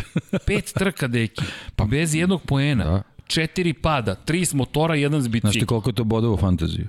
A, boli. Ali pre ove trke je eliminisan za koga? Miguel Oliveira. Eto, i u fantaziju se vidi razlika. U fantaziju si, imam Kvartarara, Millera, Oliveiru i koga sam stavio za ovu trku? Valentina Rossi. Opa, dobro. Eto. Dobro, nije Da. ti nije Ne, nije ne, loše to je, izgledalo da, do da. poslednjeg momenta. Da. Do poslednjeg momenta nije loše Nekako mi je ovo izgledalo. bila prilika za, za neku promenu, ali... Vidiš da sam obuko majicu. Da, da, da. Mislim da je bi- bilo u redu sasvim. A moram ti priznati da mi je žao što nije uspio da ostvari nešto više. Nekako, kadaš i kažeš, ajde da, da, to je ta staza 10 pobjeda, nešto tu mora da se desi. Ali osim plasmana među vodećih 10, osim situacije u kojoj mi razmišljamo o tome da bi mogao da, da liči prosto na, na, na vozača koji je koji nekada harao nekako to opet ne dobijamo. I to u momentu kada misliš op, rešili su probleme, pao je u kvalifikacijama, opet bio dobar. 11. jeste, ali delovalo je to dobro i na rezervnom motociklu. Bio među vodećih 10 direktno otišao u Q2. U jednom momentu šesti i kao neko ko zna tačno šta radi. I onda čovek koji je nedeljni čovek, takozvani dan čovek trke, nestane u trci. Da, ne, nestaje taj mođa koji je imao za trku. I to je, To je, je, da, to najveći to je, udar. da. Da. Što u trci si ti najbolji zapravo bio. A sada odjednom te nema. Inače, samo pre nego što nastane, za Rosija važan test je bio, pričat ćemo kasnije u tehničkom kutku, i ceo, ceo MotoGP je imao test veliki u ponedeljak i mnogo toga se dešavalo na stazi, doći ćemo do toga, ali pre toga završit ćemo naravno priču o trci. Mada moram da primetim, ako niste uočili kako je Deki elegantno uveo fantaziju u celu priču i ta dominacija koju trenutno Ma ima, Kako da? Dominacije. ali da Čekaj, nisam vidio koji sam na, na, u ligi. Dakle, čekaj sad samo da vidimo šta mi to imamo. Ovde imam neka pitanje. E, ja se nadam da se čuje sve. Sad sam zbunjen krajnje. Ne, sredili smo sve, ali da se vratim na fantazi. Ljudi, ako pričamo o fantaziju, moramo da spomenemo i našu ligu, zvaničnu ligu Lab 76. U ovom, aha, kažu negde se čuje laptop zvuk kod vas. Kod mene je bio, izvinjavam se, sad sam shvatio šta ste mi poručili. A iznervirao sam i Dom Pablo i Vanju. Pa to test, radio sam sound check pre nego što smo krenuli, ali sam zaboravio da isključim. Ljudi, taj eho, eto, potvrda da zvuk internet radi, eto, toliko možemo da vam kažemo. Toliko dobro da možemo i upload i download i re-upload i mikrofoniju malo nisam stvorio. Izvinjavam se. U svakom slučaju, e, Vanja, oprosti, nemam ništa pametnije da kažem. Ko vodi nama u Fantasy ligi? Pa vodi gospodin Floyd. Dakle, gospodin Floyd vodi I sad ćemo da vam postavimo i link odmah u chat. Samo sekund, molim vas. Draga Matić kaže, evo ga, Srki počinje za Rosije penzije i tako to. Nisam ništa rekao, još sam rekao da sam obukao majicu u čast čoveka i da se nadam da će nastaviti. Darko Adamović, danas mi je poklon kao, danas mi je rođendan da nema ničeg boljeg podcasta. Srećan rođendan Darko, Parabens. veliki pozdrav. Ova, Deki je u portugalskom. Mada, vidjet ćemo da li će to, to, biti izabrani jezik. A, ne, ne, polako. Uh, u, u Lab 76 105, koji je na programu 21.00 večeras, možda će neki drugi jezik se ovde govoriti, ali pratite, naravno. E, da, sre, i srećan još jednom Darko rođendan. Zaista veliki pozdrav, eto, hvala što ste sa nama tokom, tokom rođendana. E, gde smo bili? Fantasy Liga, da. Dakle, Fantasy Liga, Mr. Floyd ima 789,5 poena. Ima dve trke ovaj, prednosti odnosno na mene. da, ej, daj, svaka mu čast, nijedan ovaj, bus nije koristio. To je odlično. Ja Dobro. samo nekako da napravim balans sa četiri vozača, uvijek imam jednog koji potpuno Nije, Floyd je iskoristio sva tri. Ovo 0 od 3 je koliko ti je ostalo na raspolaganju. A koliko je ostalo? Tako je, tako je. To je ono, pa onda sam ja super. To je super. Da, tak, super. Pa da, to ti kažem. Dakle, pojent je da imamo ovde Floyda, ali... Dobro, imam šans. Samo nekako da ih uklopim, da uparim nekako. Teki, ti ćeš da, da. u duhu kog vozača? Da. Ma, Smeješ se. Pa njega mogu da ubacim, imam dosta, dosta ovaj, slobodnog novca, tako da, opa, vidjet ćemo. Sad ne znam na koga si mislio, ali mislim da sam ne, pa ne, mislim ne da smo da otkrijem, pa, ne smeš da, da otkriješ. Ali EG Ovo, skvadra ipak je borba za, ipak je borba za vrh. Sa 316. mesta da skočim na 290. 316, ja sam 368. Srki, srki. Ali bez jedne trke. Jedna trka, dobro, ali bez to potencirajte stalno. Da, da, da. A dao sam vam svima fore, kako da, ne da, razumeš. Da. Zamisli da ja kažem ti da pobedim. A, pa pazi, bio bih, ko zna, nekih 660, to je... Da, moguće, moguće. Sred, da. da, negde na sredini tabela. EG Squadra Corse, 769,5 i jedan boost je ostao, Damjan 31 ima, Team Turbs iz Južnoafričke republike na poziciji 4, zatim Zezator Racing, da prevedem na taj način, pošto ne mogu da pročitam ovo, a zatim Dobro, ima, ima apostrof. Raid, okay. da ima apostrof, TM 1921, Perun Gromovnik 46, e, Pecotka Racing i Redding, čet, opa, Redding 45. Dakle, imamo, ej daj, to je bilo priče, to smo zaboravili. Re, Scott Redding kada se skinuo posle trke i pobacu svu svoju opremu u, ne, dao je zaštitno delo svom asistentu i vozio nazad po kiši u patikama, ali to je drugačije, to se završila trka, Završila nije vozio trka, 300 da. km na čas, pa i dalje je bilo opasno. Tako da, da ne zaboravimo te golišave momente Scotta Reddinga, eto kada već spominjemo. Re, realno.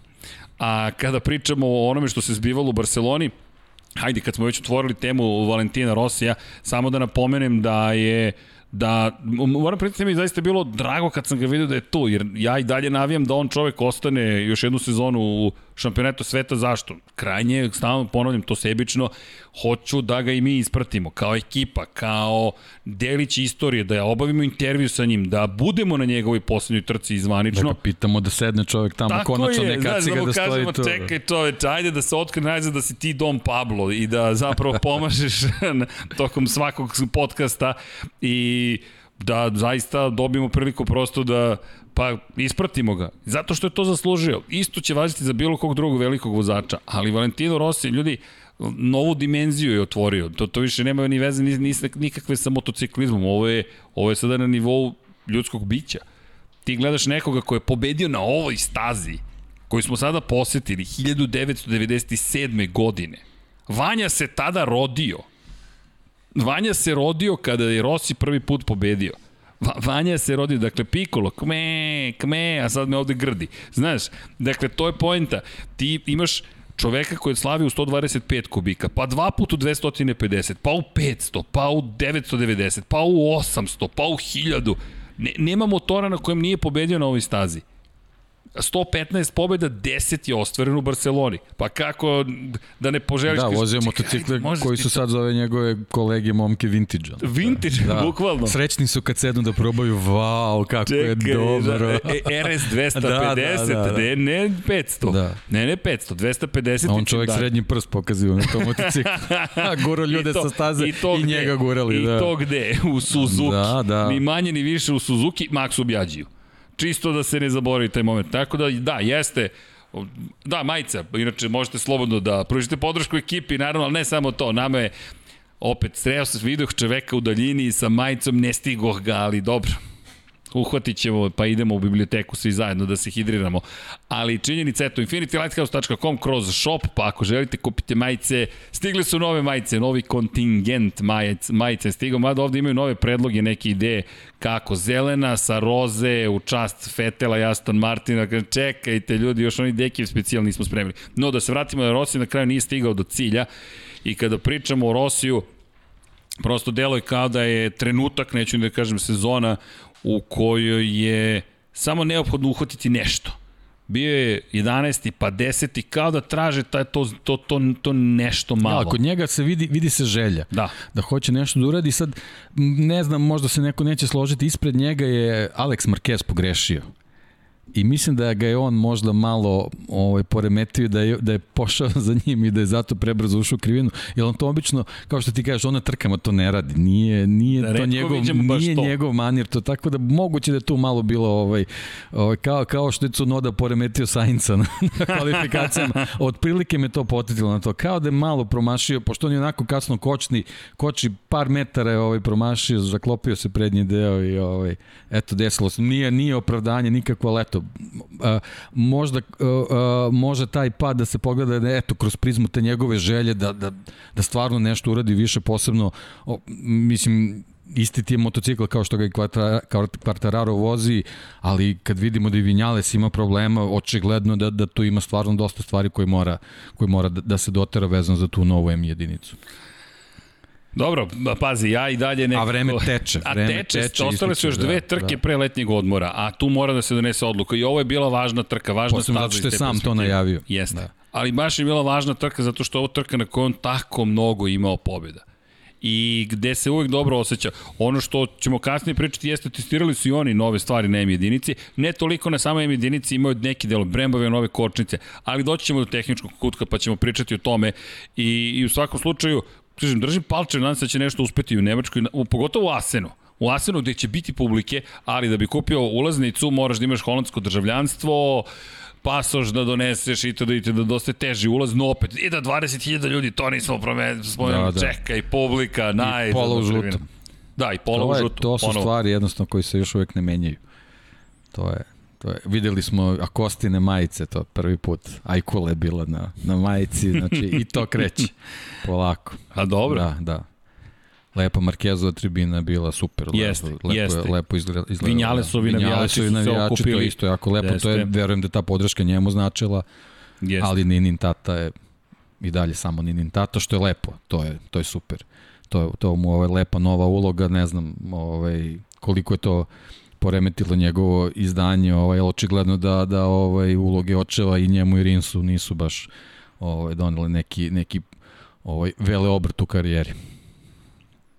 Dobro, ali Da. Na Vinjales, ajde. Samo i oni nekako da izguraju ove dve trke da vidimo Rins, prvo kad će se oporavi, ali što se njega Vinjale se tiče da oni doguraju, njima je letnja pauza mnogo važnija iz, iz, iz stvari, iz, iz perspektive ovaj, njihovih izdanja. Prošli put smo imali Vinjalesov specijal.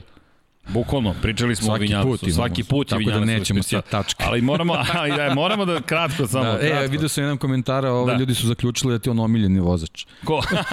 Tako piše u komentarima, da, da. Maverick Vinjales, da. Pa da. Eto, to je ceo moj komentar. Da. A, ali, Tačka, idemo dalje. Šalu na stranu. E, ne, ne dozvoljavam tačku. Mo- Moram samo kratko da spomenem. Stigao mu Silvano Galbusera.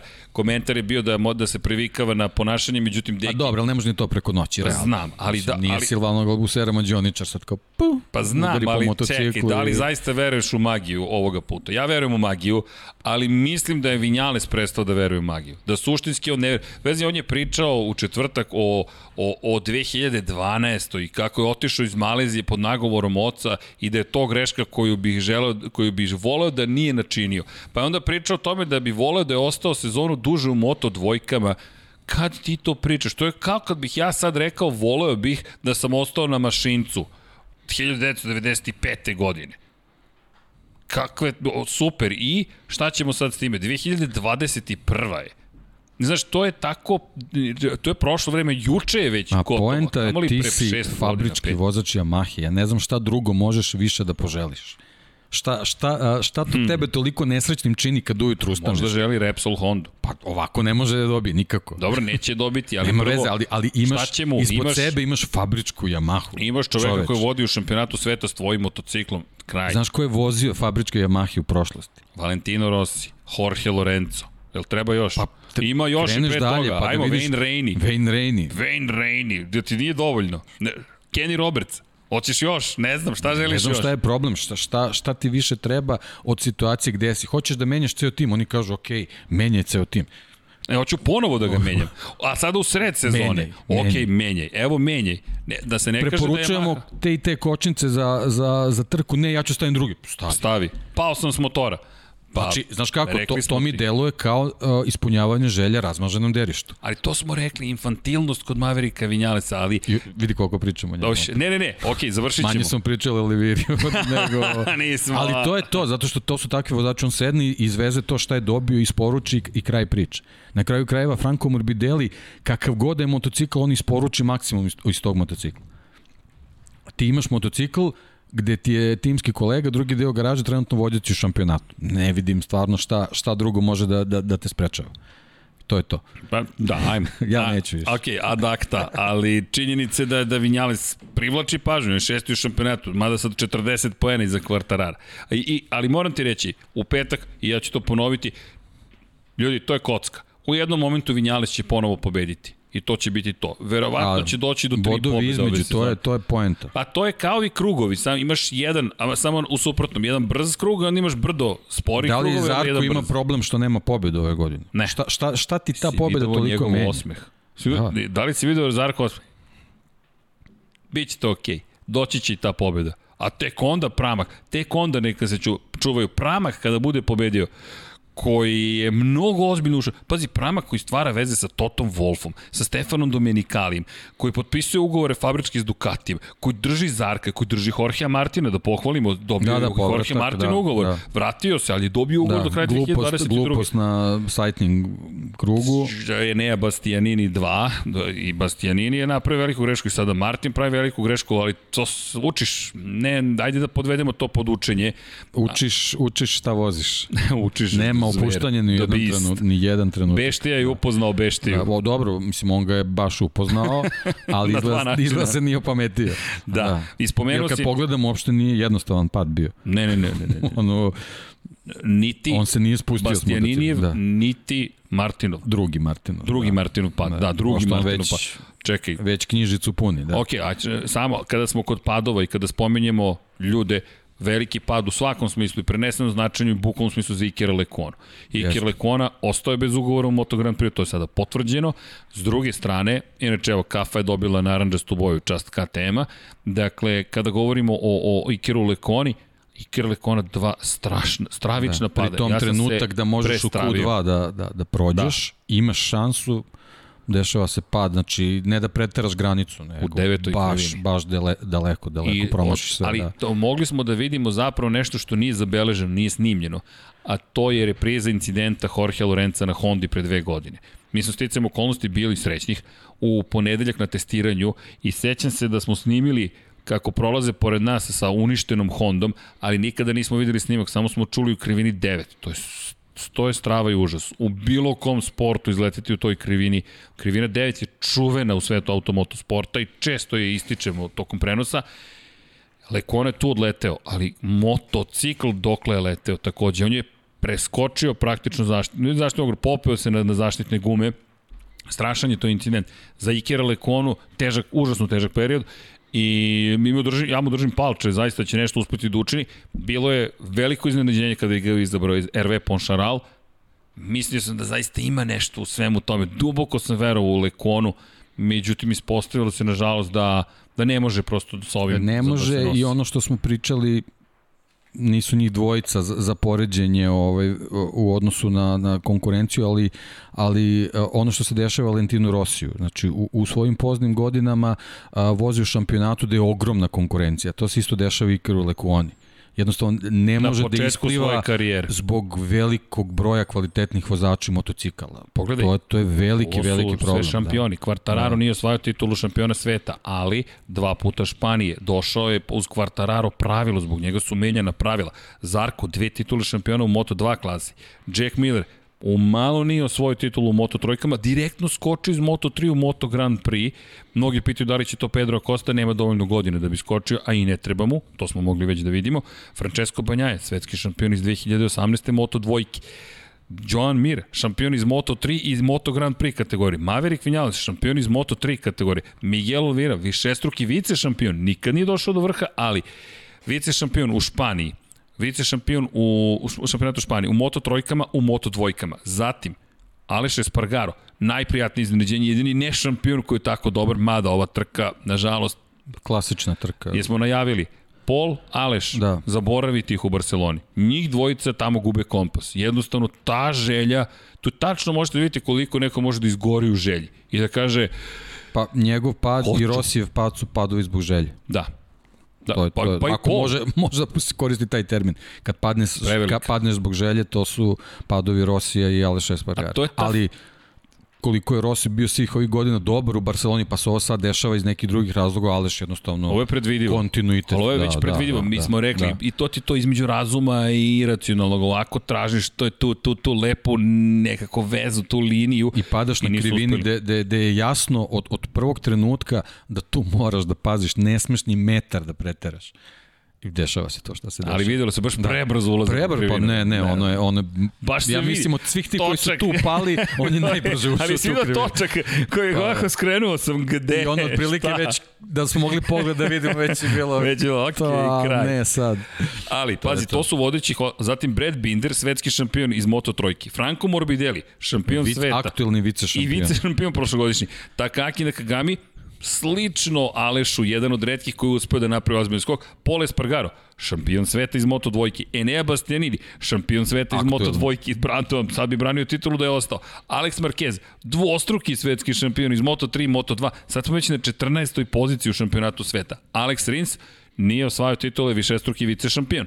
Danilo Petrući opet jedan od onih koji su došli sa strane iz super sporta, super štoka i ostalih takmičenja i nešto učinio. Ali je pobednik. Ali je pobednik. Da. Jorge Martin, svetski šampion, momak koji je svoj titulu Moto trojkama. Mark Marquez, osam titula šampiona sveta. Iker Lekuona, oprostite, Valentino Rossi, devet titula šampiona sveta i onda 20 dođe Iker Lekuona. I šta Znaš, ti tu da radiš? Očekivanje od njega su verovatno bila prevelika, a možda i on sam od sebe očekivao o, više nego što je trebao u tom a, trenutku. Ako... Jel ne verujem da je u KTM-u imao ogroman pritisak. A pazi ovo, ako ti nije da. dovoljno, Luka Marini, čovjek koji je mogao da osvoji titulu, Štefan Bradl, šampion sveta, kao probni vozač sada vozi, 2011. u svoju moto dvojkama, Lorenzo Savadori, opet neka vrsta izuzetka, i onda Michele Piro, nije šampion, ali ređe se pojavljuje probni vozač, i Tito Rabat kao zamena, a čovjek da. je svetski šampion nekadašnji. Pri tom imaš prošlogodišnju sezonu sa povredom, sa covidom, a ovu počinješ sa operacijom podlaktice.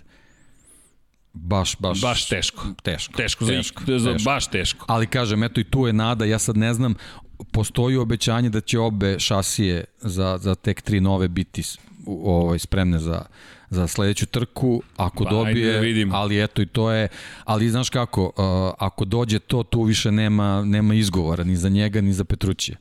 Posebno ako Pa- Oliveira i Binder nastave sa dobrim rezultatima, jer generalno osmo mesto Bereda Bindera s obzirom na prethodni deo sezone i, i to je To vrlo, je vrlo zadovoljavajuća Gotovo pozicija. neka vrsta izgovora, ne izgovora, kao da i KTM, ok, mi ćemo vam pružiti podršku, no, šta sada ako se ne dobije ono što smo želeli? Da li to onda otvara vrata... A neki drugi potpisi su tu već. Raul Fernandez, ko, za koga je Petronas otvoreno rekao mi želimo ovog čoveka. Lin Jarvis je pregovarao sa agentima Raula Fernandeza, to je šef Yamahe. Zajedno ruku pod rukom s Petronasom su otišli kod Raula Fernandeza. Iskreno, mnogo je KTM-ih vozača u nižim kategorijama i ne možemo da očekujemo da svi završu KTM. Ne mogu.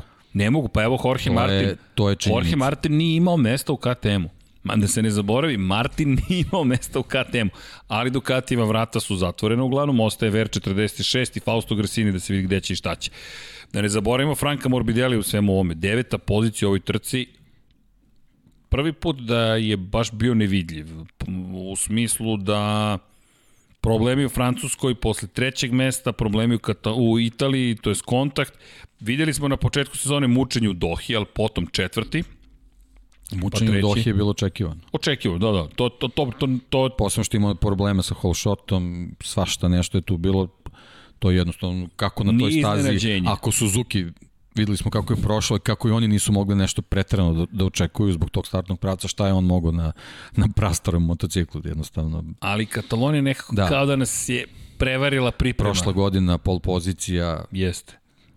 On je Ali- prošle godine imao bolje vreme od Quartararo. Ali deki, ja mislim da je vreme za penziju Da. tog motora. Da, ne, to Ja mislim da je vreme za penziju od ovog motora.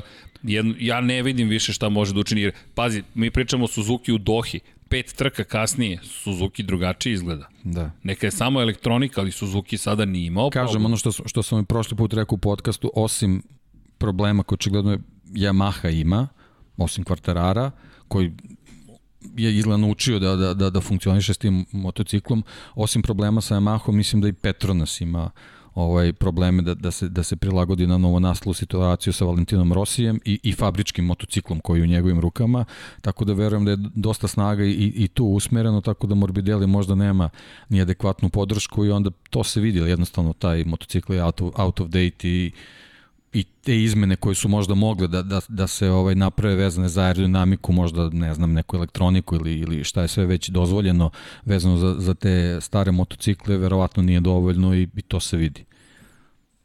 Šteta. Šteta, Šteta, izgubljena da. je cela godina praktično. Tako Ti kada pogledaš, tako mi ovde gledamo čoveka koji zapravo gubi još jednu vrednu godinu. Nadamo Problem se... je što izlazi iz fokusa, to, a on je, on je aktualni vice šampion, to je onako, a znamo, znamo da nije ni agresivan u svom nastupu generalno, ni marketinškom, tako da ovaj, to, su, to su veliki problemi. Šteta. Mi blago rečeno šteta. Ali dobro, ne, nema ništa što novo što možemo da kažemo Tako što je. već nismo rekli.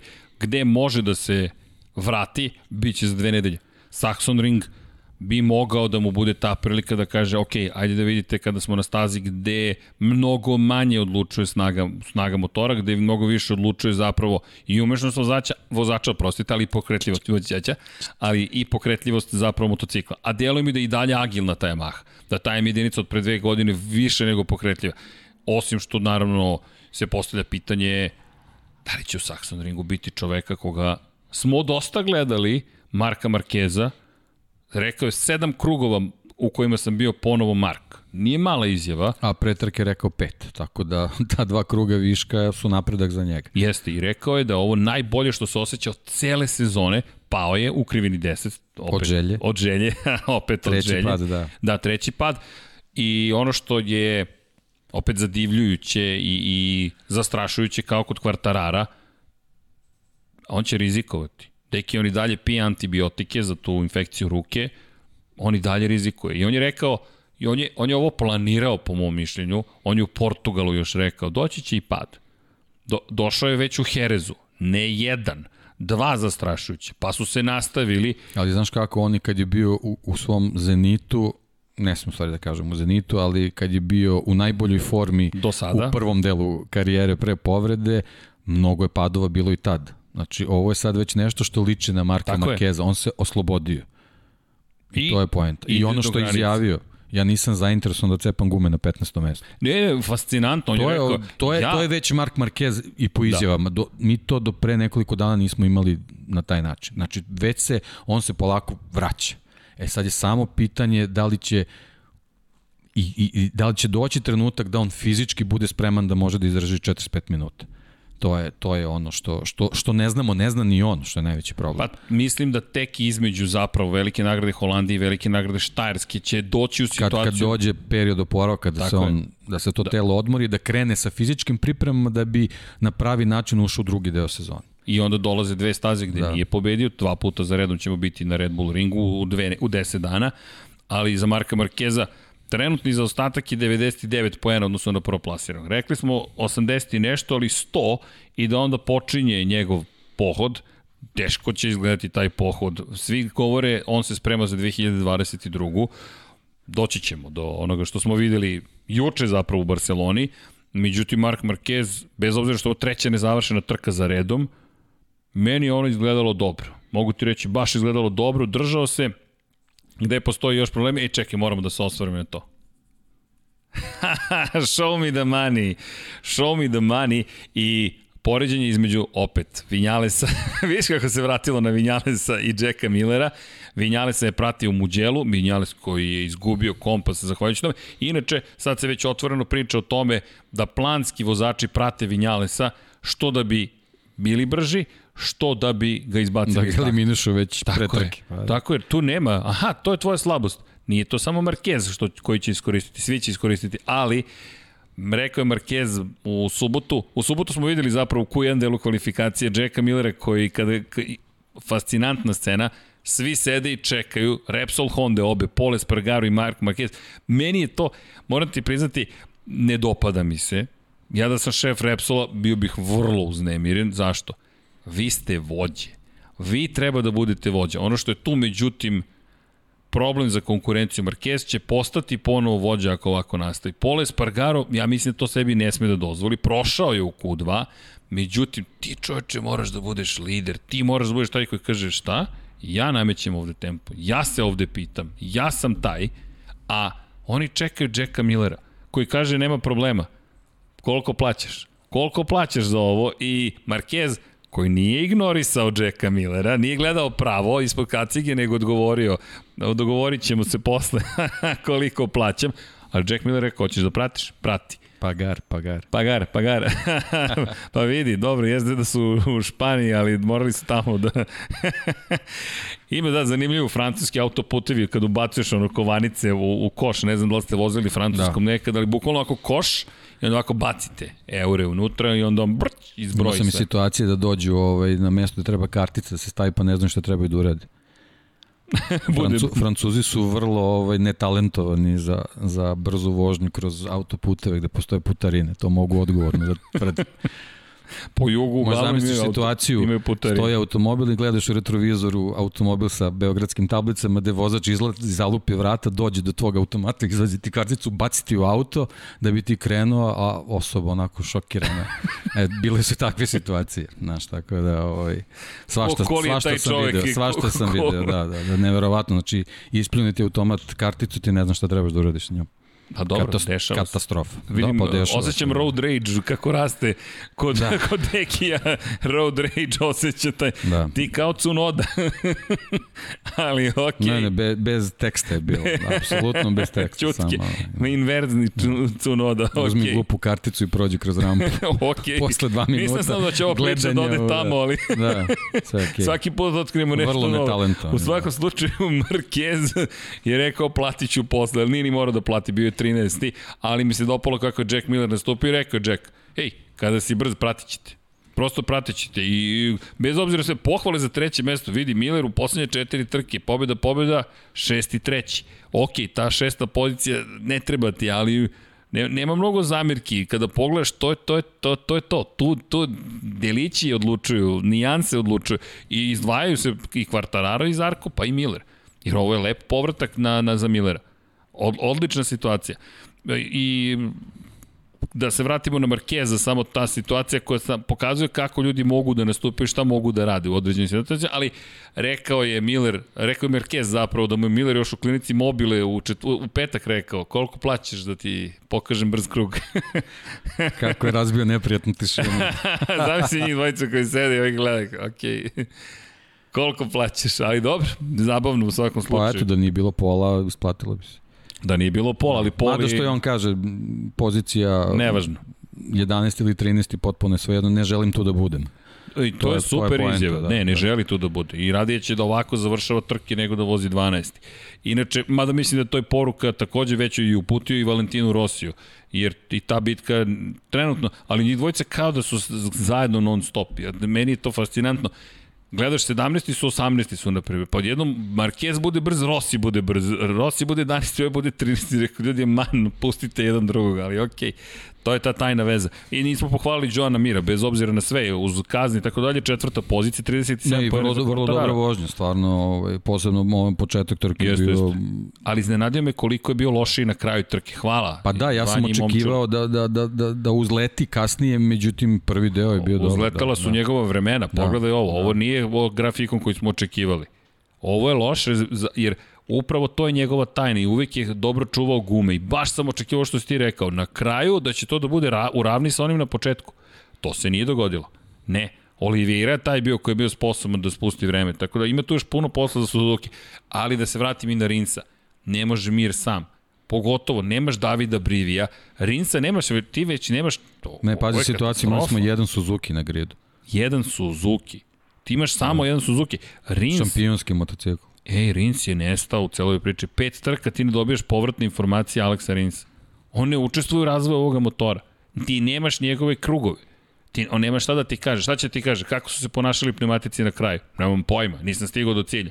Kako su se ponašali pneumatici na kraju? Nemam pojma, nisam stigao do cilja. Kako su se ponašali u petak i subotu? Nemam pojma, nisam vozio ovaj, ovog vikenda ok, razumem da on sad inspirisan i da je rekao vratit ću se, prati hejtere, šta te briga za da, hejtere? Kako ti pripremimo trku za sledeći, ovaj, za, za, sledeći period, pa ne znam, nisam učestvovao na testiranju bukvalno on, on nije pripremao motocikl za sledeće dve trke. Bio je Silvan Gintoli. To se radi, pa da li Silvan Gintoli ne vozi trku. Tako je, i ti si sad izgubio takav jedan dan u kojem imaš 80 krugova u Barceloni, koja je fantastična staza za testove, spori, krug, spore krivine, brze krivine, dugačak pravac, sve imaš. Sve možeš da testiraš. E, inače, da ne zaboravimo samo i ostale vozače, da, da, da napomenemo pohvale za Eneo Bastianinija, deseti na kraju. Ej, to već postaje standard za Eneo Bastianini. Da, da nije bilo gluposti u Muđelu i tu bi bio bolji rezultat. Da. Manje više. Definitivno je standardan po tom nekom broju bodova i to se vidi i na, na ovoj tabeli u generalnom plasmanu. I Luka Marini koji da. ponovo bio na 12. mestu, to mu je opet treći put najbolji lični rezultat. To su konstantno to osvojeni poeni. Ima isti broj poena kao Iker Lekona koji ima fabrički KT. Da, da. Ne, za Marinija to su ono poeni koje očekuješ od nekog ko je ušao u šampionat, vozi motocikla kakav vozi, a Bastianini ipak malo, malo iznad. Marini ima samo dva poena da. manje od Rosija. Da, da, da.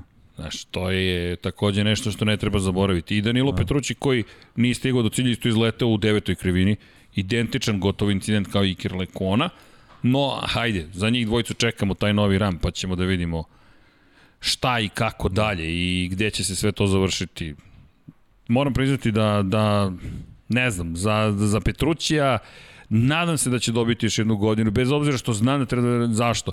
Pa i on je tek stigao u, u, u celu ovu priču. I on je tek stigao u celu ovu priču i šta sada? Tek tako će da ga eliminišu, ja se nadam da neće, ali dobro.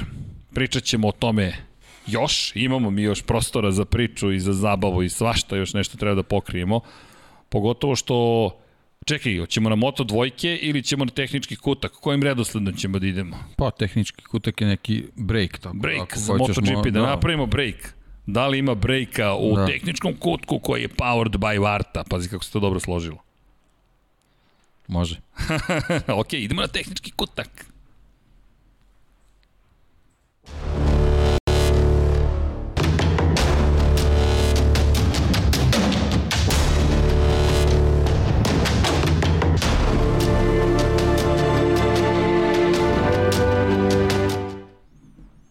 Tehnički utak Vanja odmah započinje sa čime? Sa Markom Markezom.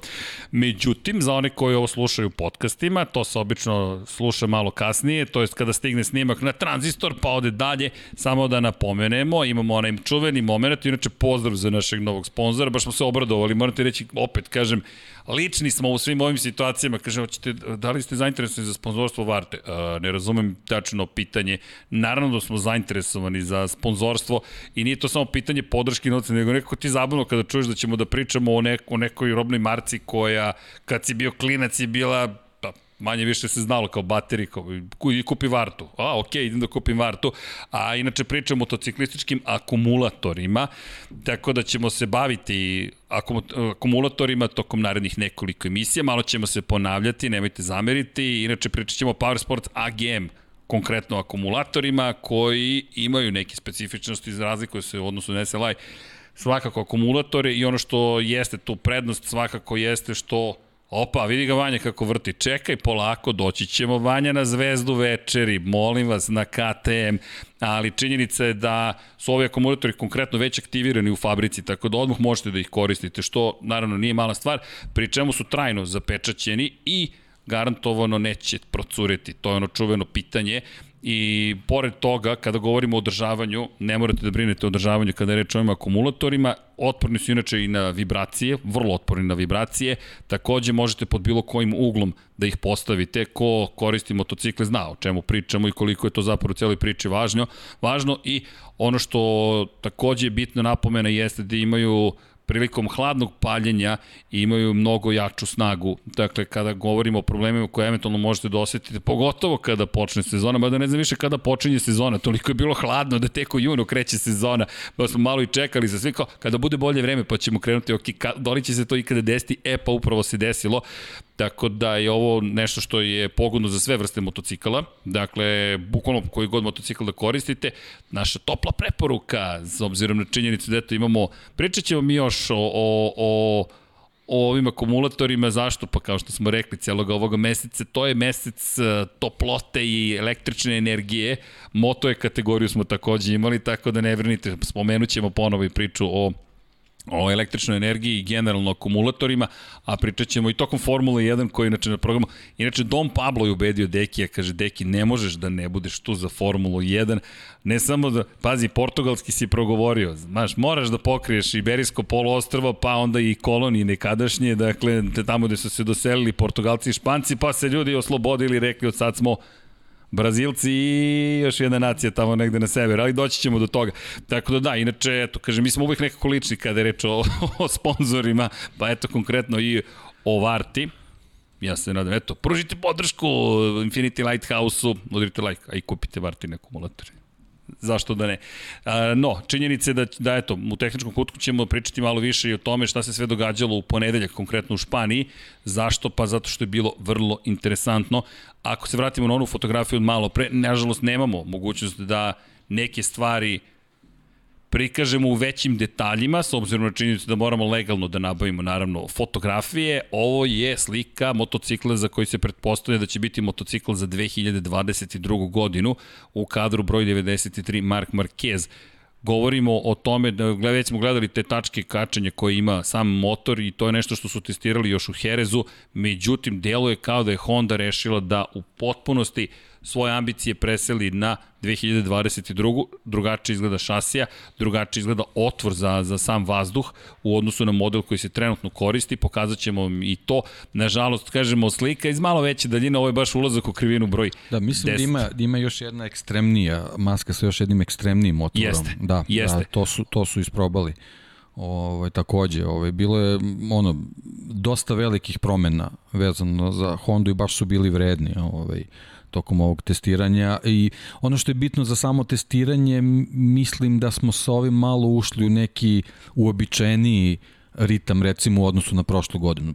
Ne, nedostajali su nam ovaj predsezonska testiranje, to je bilo skraćeno, ali sad već sa ovim test danima, sad već ekipe imaju dosta prilike da ovaj rade na, na motociklima što za sledeću godinu, što za, za sledećih nekoliko trka, ali i za finiš ove sezone, tako da baš je bilo onako ovaj, zgusnuto i, u rasporedu i u broju krugova vidimo koliko su vozači vozili tako da stvarno očekujem dosta promena ovaj, što se tiče ovaj nastavka sezone, sad tu jedino za ove što, su, što sad malo zaostaju, oni će možda napraviti e, promene, ali ovi što su sad dobri možda će biti još bolji. Tako da Ne znam koliko ćemo tu imati neki, neke promene u odnosima snaga, vidjet ćemo, ali generalno KTM se tu već priključio i oni su dosta, dosta radili i na ovom, na ovom testiranju, tako da ovaj, očekujem, očekujem još, još bolje i kvalitetnije trke u smislu konkurencije na, na, na sledećim velikim nagradama. Da, inače, no oplata koja se ne vidi ovde dosta podsjećena je Mahinu oplatu jest, zapravo jest, jest. i taj otvor uz, koji... U, uz, uzak otvor, ali dosta više. Da, Tako i... da ovaj, podsjeća prilično. Yamaha koja je takođe bila prisutna, međutim ja bih, ja bih skočio na KTM, vratit ćemo se na Yamahu, zašto? Pa planski, zato što je ovo zvezda trenutno tehničkog kutka i svega što se tiče tehnike. Ovi ljudi su promenili gorivo, ovi ljudi su promenili RAM, ovi ljudi su promenili način izrade svog rama, sve što su mogli da promene, oni su suštinski promenili i došli smo do toga da mi sada KTM opet gledamo i sa dužnim poštovanjem i sa divljenjem. Oni su nastavili da testiraju taj novi RAM, nastavili su da testiraju da ga dalje unapređuju, čini se da ono što si rekao se i tekako ozbiljno pripremaju za nastavak sezone. Nemojmo zaboraviti, mi nemamo više trke u Brnu, tako da nema više testiranja u Brnu koje je bilo planirano zapravo. Barcelona nije trebalo uopšte da se koristi za, za testove ove godine, to je jedna bilo od ideja da se smanji broj testnih dana, nažalost. Međutim, Brno, još veća žalost, nije tu. I KTM koji je izašao na stazu, na nastavi testove.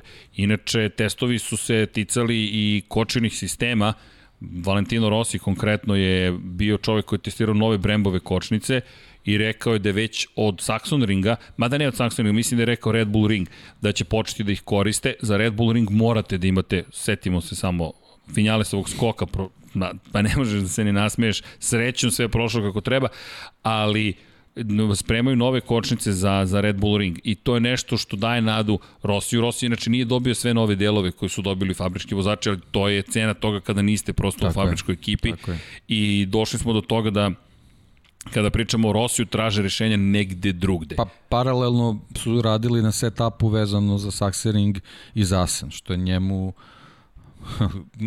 nezgodno je tako reći, ali jednostavno te, te dve trke možda zavisi njegova odluka koju će doneti tokom leta. Tako da bilo je tu dosta posla iza njega.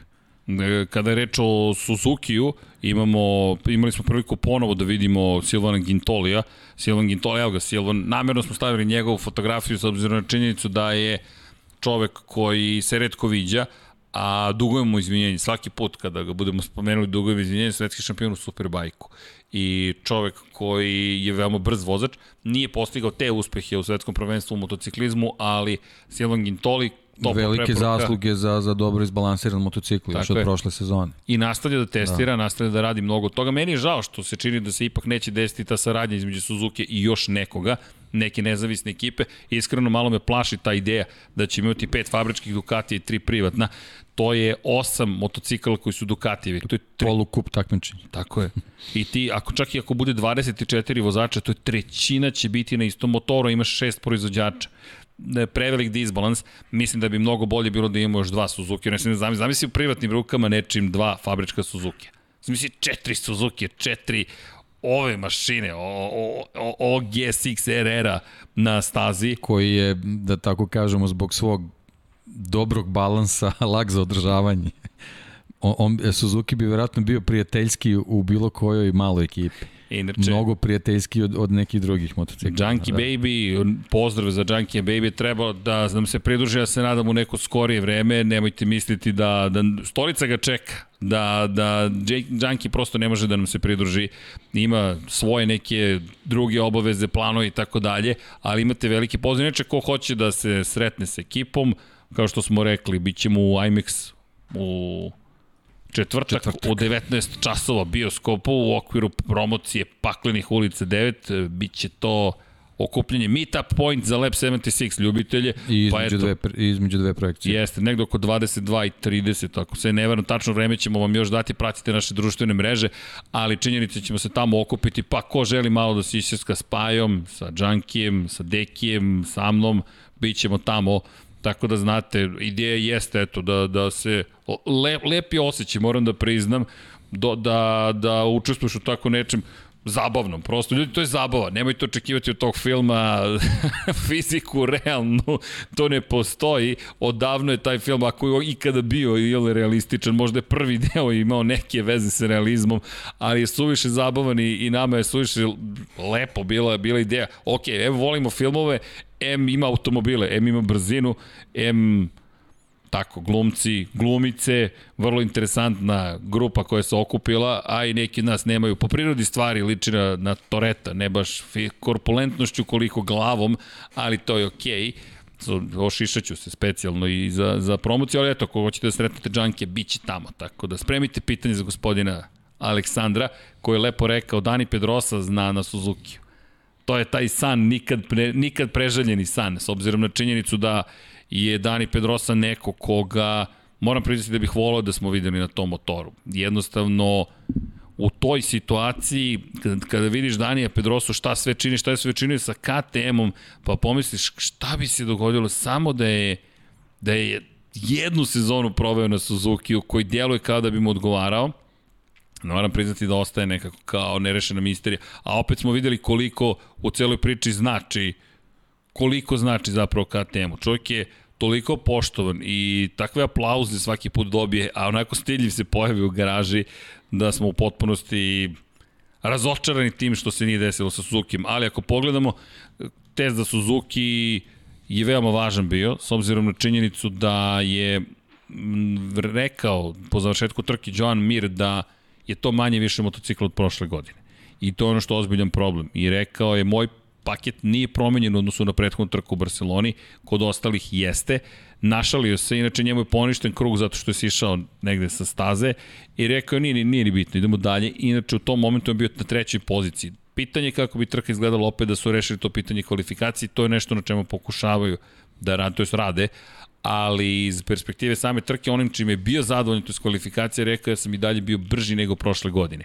Tako da sam ja taj koji je brži, ne samo motocikl, ali deki, to je prvi put da smo čuli ove godine zapravo svetskog šampiona da kaže da Suzuki uopšte nije promenjen i da nije napredovao, tehnički. I to je ozbiljan problem. Da, a kažem, možda, možda je stvar u tom balansu, jer vjerojatno neka od promena pravi neki, neki disbalans koji, koji jednostavno na, na, na takvoj konstrukciji ne funkcioniše. Videli smo i već na prvim testiranjima kad je sezona počela da, da su ovaj, oni počeli da rade na, na, na, jednostavno na snazi vezano za, za agregat koji nas očekuje sledeće godine. Mm, Barcelona je pokazala da, da, da i ova konfiguracija i dalje zadovoljava i sad je samo pitanje da li da li može ovaj i na, na trkama koje nas očekuju da, da, da pruži nešto slično, a mora da bude i, i, i nešto malo više da bi Mir mogao uopšte da, da razmišlja u bilo kojoj situaciji da eto, se uključi u bitku da, da, da pokuša da odbrani titulu, mada mislim da je u ovom trenutku to, to jako teško, ovaj, tako da ne znam, jednostavno mora, mora konstantno da, da, da se ovaj unapređuje motocikl bez obzira ovaj koliko si zadovoljan nekim performansama ili jednostavno videli smo drugi ne spavaju, svi drugi napreduju u jednom trenutku može se desiš da, da Q2 može onako bude prilično daleka priča, a, a znamo i od prošle godine, svaki start sa, sa, sa nekog ne, da ne kažem začalje, ali iz, iz drugog dela kolone jednostavno za Suzuki nikako nije, nije, nije dobra opcija, tako da mora, mora na tome da se radi.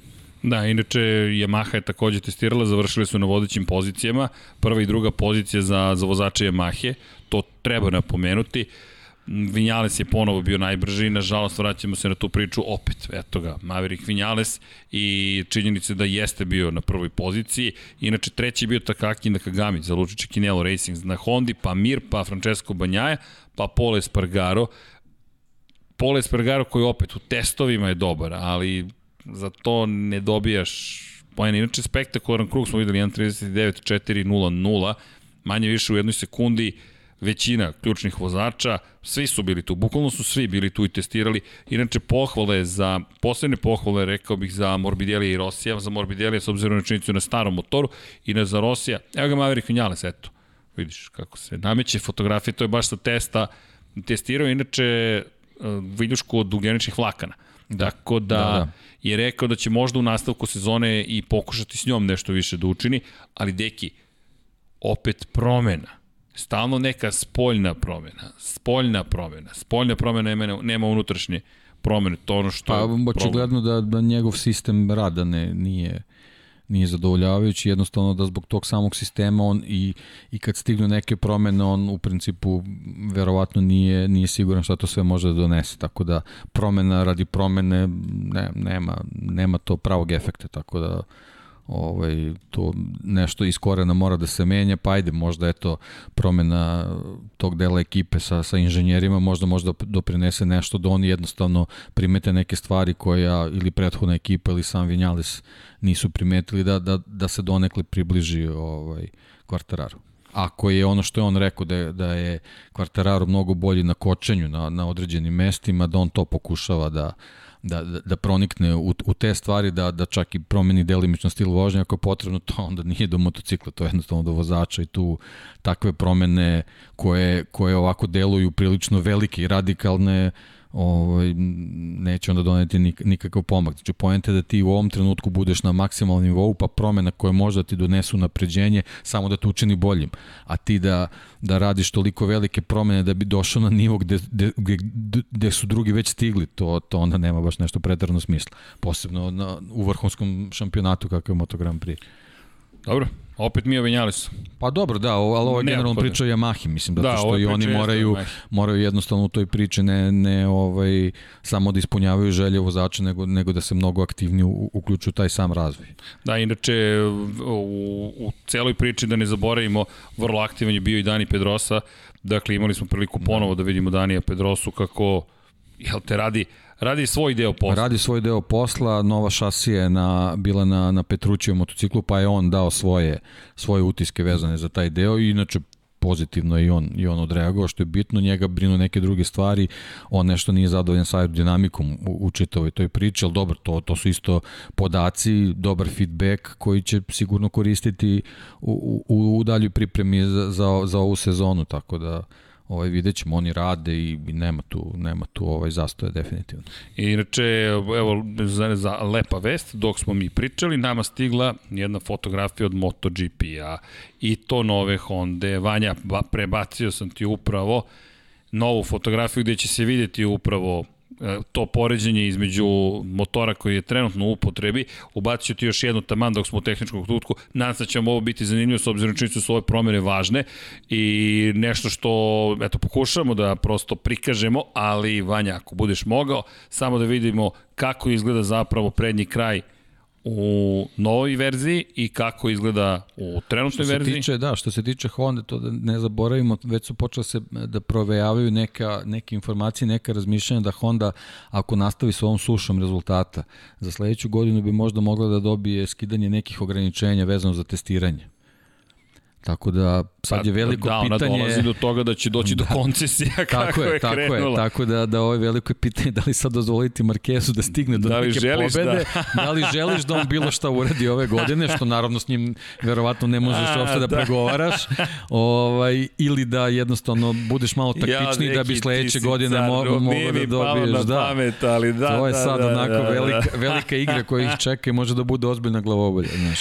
Jel ti da. sa, sa skidanjem koncesije sledeću godinu kao, kao Repsol Honda dobijaš pff, vrhunsku stvar. Znaš, tako, da li žrtvovati, da li žrtvovati ovaj finiš sezone ili, ili ovaj raditi nešto po tom pitanju, to jest pokušavati da ako se krene u neke, neke bolje rezultate, da li ih malo onako kao... Hoćeš da kažeš da, evo ga, evo je, obratite da, pažnju, da. ovo je nova, nova Honda, da. E, da, sličan, sličan otvor kao, kao na Yamahama, samo meni deluje da je u donjem delu malo širi, a da je gore ovaj, jedno par santimetra više. Deluje mi da je, da je ovaj, po površini veći nego što je na Yamahi. Tako da ovaj ima ima tu neke razlike, podsjeća, ali ali ne mora da znači da je da je pa- zbog pa, zbog iste svrhe ovaj. Vanja prebacio sam i jednu fotografiju kvartarara iz trke gde može da se vidi dakle Yamaha i poređenje sa Markom Markezom u suštini sa tom novom budućom Hondom.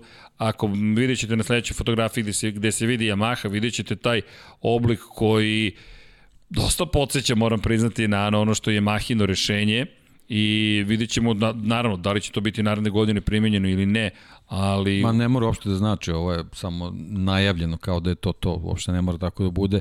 Ja se uvek vraćam i setim se Mizana i onog o izduva koje smo videli na, na Yamahi, sećaš se kao na što je to ličilo, pa naravno na kraju nije bilo ništa toga. Tako da ni ovaj otvor apsolutno nema znači da je definitivan. Dobro, izvini, ne vidiš baš često Tako ovaj je, pa ne, trapezoid a, praktično. Da, ali ovo, ovo je nešto što je čisto donelo neke nove podatke. Tako da uopšte ne mora da znači da, da je ovo nešto što je što je konačan oblik i konačno rješenje ovaj, za usis. Da, jel možemo, izvini, evo, evo, da, obratite da, pažnju. Da.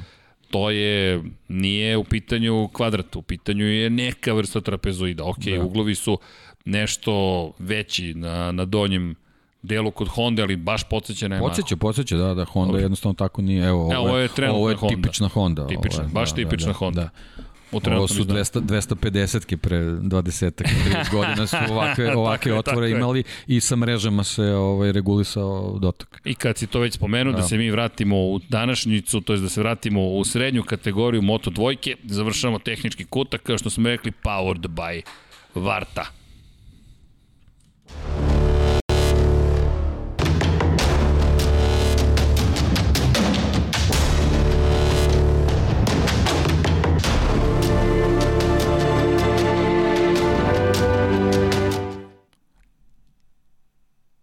Moto dvojke. Ovo je pauza za time kod.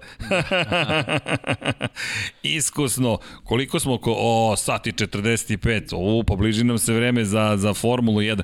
Ali nemojte da brinete. Zašto uraditi nešto na vreme kad možete just in time?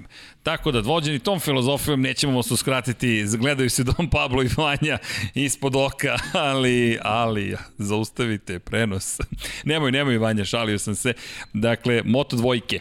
Deki, Priča smo ovde da je Zvezda zapravo KTM, mada smo više pričali o Hondi na kraju, Yamahi i Suzuki, ali KTM je svoje pokazao i KTM ne čeka sledeću godinu. KTM investira sve u ovu godinu i onda će i doći ta sledeća godina, ali me ne, čudi, ne bi čudilo da je program uveliko aktivan za narednu sezonu kada će moći mnogo toga da promene. Sviđa mi se ovaj ideja za Hondu, no da se vratimo na KTM. Remy Gardner. Deki, ovo je meni pričali smo koliko je dobra bila prethodna trka, međutim ovo je sledeći korak. Samo sedam dana kasnije, opet direktan duel sa Raulom Fernandezom, međutim ovoga puta je delovalo kada je Remi još kontrolisaniji, kada je još svesniji svojih mogućnosti i evo, hvala. Ako pričamo o tome da povučete ravnu crtu i gledate rezultat, ovo izgleda fenomenalno. Tipičan početak trke, snažan tempo, ba onda kontrolisano gubljenje, ne gubljenje tempa, nego kontrola guma i negde na sredini malo sporiji krugovi i na kraju ta bitka gde je Remi opet pokazao koliko dobro može da kontroliše pneumatike u da, završnici. To je, to je ključna stvar, to si super, super ovaj rekao, znači kontrola guma, a, jednostavna stvar je i, i do stila vožnje, Raul je dosta agresivni vozač i očigledno da to u, u, u poslednjim krugovima ovaj, Čini svoje. Čini svoje, znači tu, tu dobijemo tu neku ključnu razliku, ali definitivno imamo dva vrhunska vozača koje, koje podsjećaju na one nekadašnje vožnje u kraljevskim klasama gde smo imali kad je, kad je otac Remio vozio gde si imao uvek ne, neka dva dobra ovaj timska vozača koji se izdvoje od, od ostalih naprave ključnu razliku i onda oni u finišu trke odlučuju odlučuju pobednika. Ovo je zaista ličilo na to. Ja sam i pre prošle pobede rekao da, da Remiju uh, po mom utisku u ovoj sezoni nije neophodno da zabeleži pobedu da bi svoju titulu, bukvalno zna šta hoće, ali očigledno da je to potpisivanje ugovora ovaj, o prelasku u Moto Grand Prix definitivno potpisivanje, pošto meni se čini da on bukvalno od početka sezone znao da će se to desiti da je to potpisivanje njemu neke možda barijere sklonilo ne, ne, nešto što je što je bilo vezano za neku taktiku vožnje, to je nestalo i on jednostavno sad vozi potpuno rasterećen i ove dve pobjede su to, to pokazale, a posebno ova koja je onako baš prošla onako bila nekako profesorski, onako čekao se taj trenutak, tačno se odmerilo, onako kao mali štreber je malo ima i, sve, da, da se cifre ne lažu, poklopi. sve sam složio i to je to, ovo je sad bilo onako stvarno, stvarno meni izgleda, dominantno. Meni izgleda dominantno. Iako to razlika kad ne pokazuje, to je dominantno. Meni izgleda dominantno. Dve, skoro dve sekunde na cilju u onakvoj trci, to Vidi, je... To on je doveo Raula Fernandeza da. do toga da Fernandez odustane. Da, da, da. Znaš, da odustane da kaže, što ok, isto, ovo što nije isto moj dan. dobra, da, o, to je, to je dobra taktika njegova pokazuje Jeste. kako razmišlja, kao što je Brato pokazivao na, na, na, na prethodnoj trci da, da, da misli svojom glavom i da stigne do cilja, pokazuje da je on ovaj, prilično razmišlja ovaj, i to je jedna jako, jako dobra karakteristika njegova. Bitno je drugo mesto je drugo mesto, velika količina bodova je tu u igri i dalje, tako da daleko toga da je bilo šta rešeno. Ovo je samo poenta bila da stvarno, ako je neko sumnjao da li, da li Remi ima ovaj kvaliteta da se nađe u Moto Grand Prix, ovo je to. Ne, sumnje za to nekako nije bilo, Pa, ali, ali uvek je neko, znaš, on je nekako uvek bio u senci. I svi onako, u, u nekim izdanjima, on je tu, ali nekako i nije, znaš, pobeda prošle godine na kraju sezone, kao pa dobro pobedio zašto drugima to nije bilo bitno i tako On je dalje. pobedio sa Stop and Go Racingom. Da, Ajmo da, da, napravimo jasnu da. razliku. Ja volim Da. Stop and Go Racing. Obožavam ih. Obožavam Stop and Go Racing. Prosto sam potpuno sentimentalno, pogotovo kad je, pošto je Luis Salom vozio za tu Da, ekipu, da. nažalost i kada izgubi život. Stop and Go Racing je dao priliku mnogima, između ostalog i Remiju Gardneru. Ali kakva je to I- pobeda bila? Tako, i nije neozbiljan tim, on je izdominirao. Ja se, se, seti se reči na kraju trke. K, priča o, o, o, o završnici, komentar, ja nemam predstav šta je, kako je Remi ovo vozio. Ovo su nemogući krugovi. To je bio komentar na kraju trke. Niko nije imao ni šansu da ga isprati. Ovo nema nikakvog smisla što je učinio danas. I ne odustajanje, ali prosto jasno koliko je Remi bio tog dana inspirisan i brz. Sada imamo dve pobjede za redom, drugo mesto pobedu u pobedu, pri čemu u različitim situacijama, različitim uslovima, pazi, ovo su sad pobede za redom. Postoji razlika između jedne pobede, pa pobede tamo posle nekog vremena, pobede za redom su redka stvar, ako zabeleži treću, to je tek da. redko u Moto dvojkama, Ja, to ja je... moram da ponovim još jednom, roller coaster stazama odgovaraju. Dolazimo na ozbiljan roller coaster. Dolazimo na potpuni roller coaster. Ozbiljan tobogan. ovaj. Jeste. Jel smo videli u Portimao njegovu završnicu, kako vozi u finišu trke. Ovo je nešto slično, tako da Mugello, da, da ne pričamo. I sad dolazi staza koja ima neke drugačije karakteristike, ali ima sličnosti vezane za, za te neke promene ritma. Tako da Pa i krivinu broj 11. i krivinu broja Stušti se dana. nizbrdo. Tako, je, tako je. I, i krivinu pred iz- izlaska na, na startni pravac Jeste. prilično podsjeća na Mugello, nije, nije Uspon. to to, ali, ali Ne, podsjeća. ne, ima dosta, gore, dole, dosta kratka elemenata, staza, tako da on praktično ponovo dolazi na stazu koja mu jako prije. Za dve nedelje, samo Tako da da, napomenem. da. Samo da napomenem. Neki od nas imaju slobodni Da. vikend. Upišimo to. Možda. Src, ma... Naći ćeš ti nešto, ne bojim E, se. ne, ovog puta mislim da ću Da. pobeći, ali dobro. I e, kada pogledaš stanje u šampionatu sveta, ta pobeda X Gardnera, drugo mesto za Fernandeza, zrela vožnja jednog i drugog. Raul, mislim da ovo može njega takođe da ojača. Pogledaj, pogledaj ovo, zelenu i crvenu crtu. Dakle, Remi, kako smo se jednom momentu približili, Remi sada blago se izdvaja 11 pojena prednosti i Marko Ovo sad Beceki- odgovara njegovoj, njegovom tom stilu gde, Da. gde je odmeren i Da. kontroliše situaciju. Da. I vraćamo se ponovo. Njemu tek sad nije potrebno da pobeđuje. Ali Ali, ali, ali vidi, vidi njih kako gura jedan drugoga. Da. Ekipa Aki Aja trenutno deluje gotovo savršeno. KTM, je, KTM ima savršenu kombinaciju o, fabričkog tima u Moto Grand Prix, vrhunskog satelitskog tima, privatnog tima u Moto Grand Prix je. i neverovatnog tima u nižim kategorijama. Su Majo je pokazao I- da je vrlo, vrlo ozbiljan Izvini, tim. Teh trojka i u Moto3 kategoriji. Izvinjavam da ne da, zaboravimo, da, zaboravio ne sam, zaboravimo, da, a da, imali su da, razloga da. za slavlje. Znači, imamo, tim, Moto3. imamo dva tima koji na dva fronta radi ozbiljno. Ozbiljno.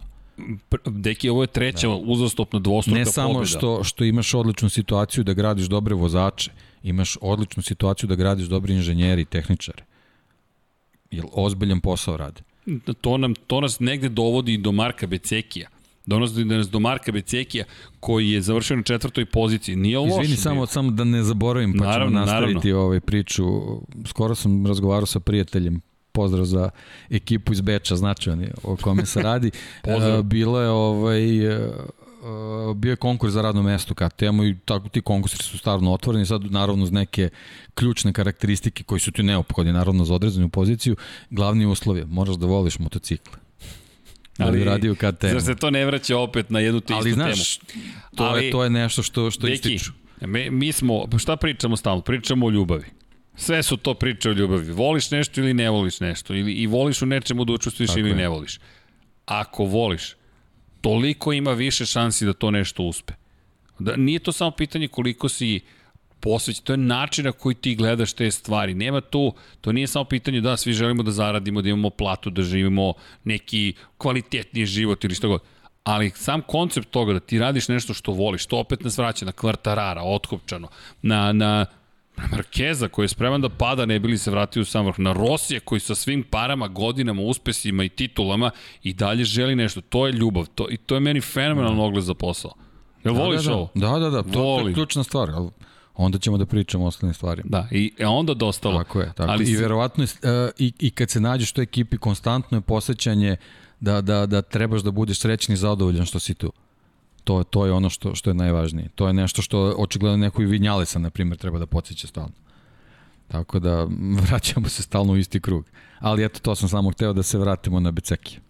Be, tu, tu, tu si stao, da. Da, da, da. ali dobro, KTM, ajde, pre nego što, pre nego što nastavimo, to je, to je zaista lepa stvar, to je ono što je pojenta cele priče, stalno pričamo jedno te isto, to je to da vodimo računa jedni u drugima, da da se držimo koliko je moguće zajedno. To ne znači a, svi ostali nisu dobrodošli, naprotiv, ne, nego, nego ovo je nešto što mi volimo, a hajde da vam pokažemo ljubav koju mi osjećamo i šta je to što mi vidimo, pa ajmo da, to, da, da nekako učinimo da to raste, ali time što inspirišemo, a ne time što uh, sad je to zatvorena grupa. Ne, uvek otvorena grupa, ajde da se zabavimo, ajde da, da uživamo u, u, u lepim stvarima. Tako da meni to fenomenalno.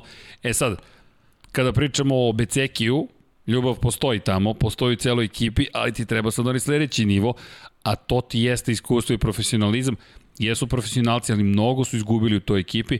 Pričali smo s Markom Becekijem, inače, prošle nedelje, I imali smo priliku da ga baš pitamo iz te perspektive, odlazak ljudi, kakva je situacija u timu i koliko je to što Celestino Vijeti i Novajlija utiče na rezultate. Sam Lowe's je dao zanimljivu izjavu. Sam Lowe's koji, koji inače nestao u celoj priči, doći ćemo do Sema Losa, rekao je da mu je potreban Augusto Fernandez, s obzirom na činjenicu da Raul i Remi pokreću jedan drugoga. To od početka pričamo to o Augusto, ali nekako Augusto, bez obzira što isto ima jako loše rezultate kao i Sem, nekako je meni pokazao u ovom nastavku da je da je mnogo ovaj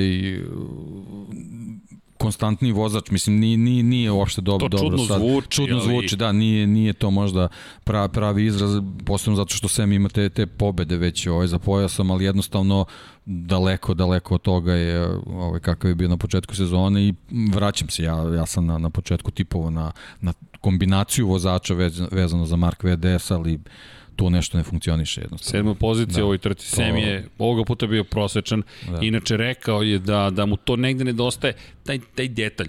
Ne može da se zameri onome što je učinio u, u, u kvalifikacijama. Prosto Augusto Fernandez četvrta pozicija. On je bio i za Boa Ben Snyder koji je bio sjajan u kvalifikacijama, Raul Fernandez i Remija Gardnera. I to sad pokretanje. Dovodi me do Beceki iz druge perspektive. Koliko ti nedostaje ekipa, ali još jedno važnije pitanje.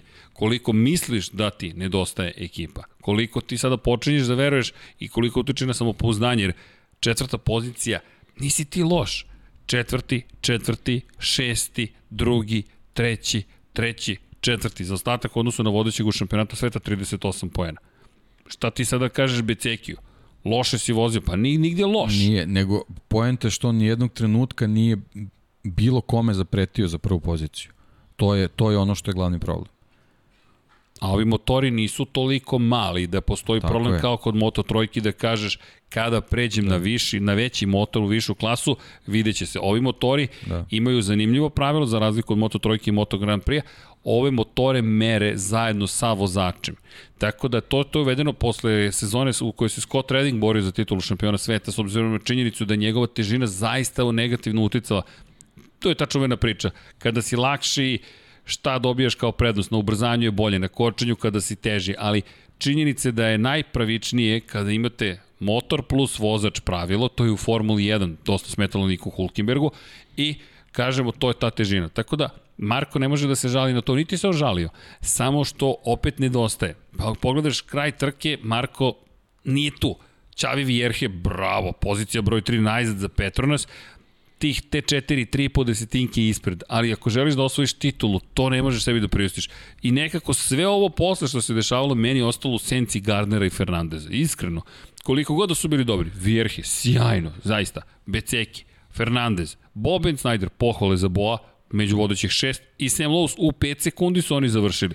Ali da li si jednog trenutka imao utisak da će se nešto tu promeniti? Apsolutno ne, o, o, tome, o tome ti pričam. To je jednostavno situacija gde dvojica uh, Ajovaca, uzmeš debeli marker, lenjer podvučeš crtu ispod njih i onda ove ostale šarfiraš i kažeš da, evo to je, ili stalno smo pričali o nekoj četvorici i petorici koji tu sad više, Toga više nema. Nema, znači imamo njih dvojicu, onda imamo jednu grupu iza njih i onda neku treću grupu, prošli put smo stavili ovaj uh, Ajo Guru, tu čini mi se Joe Robertsa u, u neku ekipu koja se nalazi koja se nalazi ispod.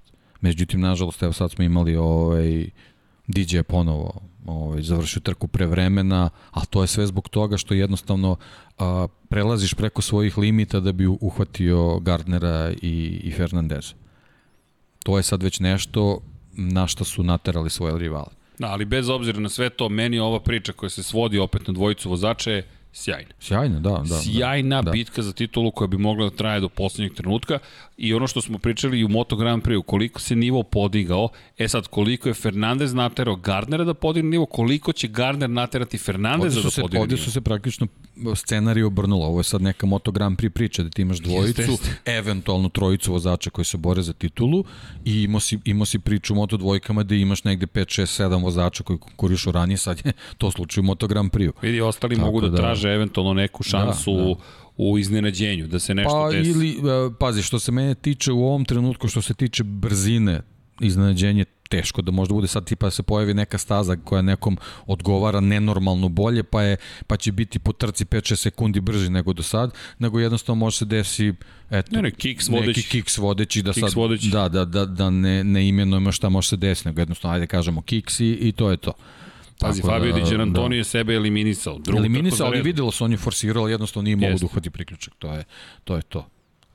Ali opet, da. slična priča o kojoj smo već pričali. Znači, da li ću, da li ću, Pobeda, da, se, da, li ću pa, da se klackam kao beceki ili ću da idem na sve ili ništa. Sad možda, možda je to neka, neka dobra filozofija i teža, on generalno nema, da, kao Marquez. Tako je, nema, nema šta da izgubi, ali opet sa druge strane, ono kao ili ću biti šampion ili, ili mogu da budem, svejedno mi je da li sam drugi ili sedmi u šampionatu Mislim, i to je legitimno razmišljanje, yes. to, to je jedno, znači može, možeš da sediš kao beceki i eto da čekaš kikseve, ali to, to nije... Impozantna ekipa. Impozantna ekipa, e, kažem, ja, to ja. protiv njih jednostavno nije, nije dobar koncept, ali u, takav je kakav je. U, to je to opet u, u situaciju u kojoj sve ovo gledamo, čestitki i dalje Marko Becekio na tome što jedini Absolutno, još da, ostao da, da, da, on je tu. Svi on ostali tu, su da, poispadali. Da. Sam Lowe's 64 poena već zaostaje za Remy Gardner. Da, da. To sada već postaje razlika od gotovo tri pobede. Posle samo sedam trka. Da. Sam je u ozbiljnim problemima. I iskreno stvarno nisam očekivao da će like razlike biti u, u ovom periodu godine. Sam ali... šokiran, pogotovo da, Lowe sam. Da, Od da. DJ moram priznati da skeptičan sam Malkice bio, ali ovo nisam očekivao. Dobro, Moto dvojke potpunosti u znaku ove dvojice, a i Ogura mi je žao što izlete sa staze, priznam ti nekako sentimentalan da. sam gledam ga i kažem ne, deseta krivina. Ali ajde, eto i on, i on konačno neki rizik ovaj, da, da, da preduzme. Jedno što nije baš staza za, za to, ali dobro.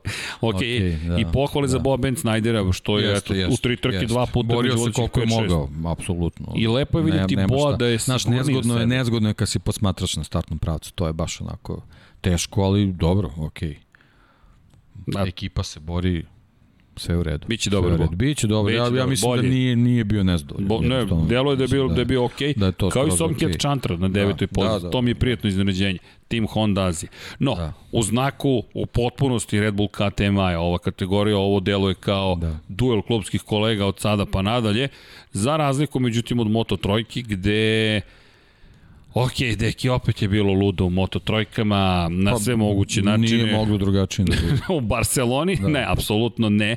Međutim, Sergio da. Garcia pobedom broj 2 smanjio razliku na 39 da. poena odnosu na Pedra Acostu. Da. Dobro, samo da se setimo ovaj, ovaj, Jasona, čitave priče, momci su još i po tim utiskom Jest. i svaka čast na vožnji, ali generalno eto, ovaj, malo je vremena prošlo, jednostavno ne smemo Pa da su zaboravimo, da, da. nosili da. su majice u čast Jeste, njegovu jeste, svi su i u Moto supere, dvojkama, da. u Moto Grand Prix su ih pokazali. Dobro, da, da, to je već i ono, vidi se da je to velika kategorija i tu Sponzori, sponzori, tak, bi da. možda zameri što je katastrofa, ali dobro, u svakom slučaju ovaj, setili su se, stavili su majicu, to je, to je bilo jednostavno, svi su vozili za njega i to je ono, čega moramo se setiti u ovom trenutku, to je to. I u Nemačkoj ćemo se setiti. sezone. Pa i sve, naravno, da, pogotovo u Nemačkoj. Prustil Da. Grand Prix, nemački Jeste, tim. jeste. To je inače velika logistička kompanija koja opet strast. Jel voliš trkanje? Da. Nisu oni ušli zato što ćete sutra da špediciju Prustil Da. Grand Prix angažujete. Kao ni Ital Trans. Kao ni Ital Trans, ali da. volite trkanje i kažete, ok, ja imam neki novac, Da.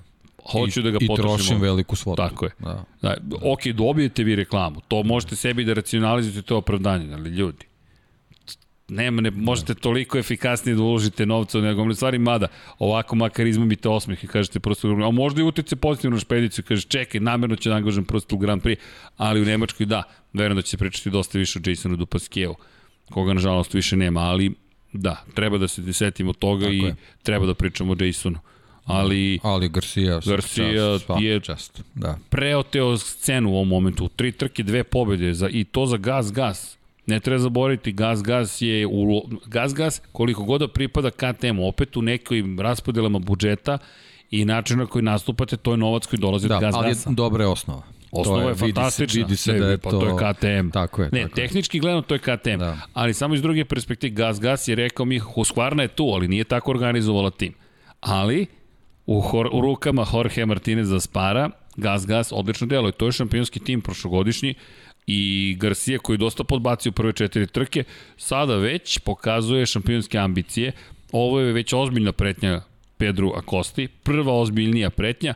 Jaume Masija opet tu, ali nekako nedovoljni, međutim ne bih ga isključivao, pogotovo što je Pedro ušao u fazu kada nije tako lako baš rešiti trke u svoju korist.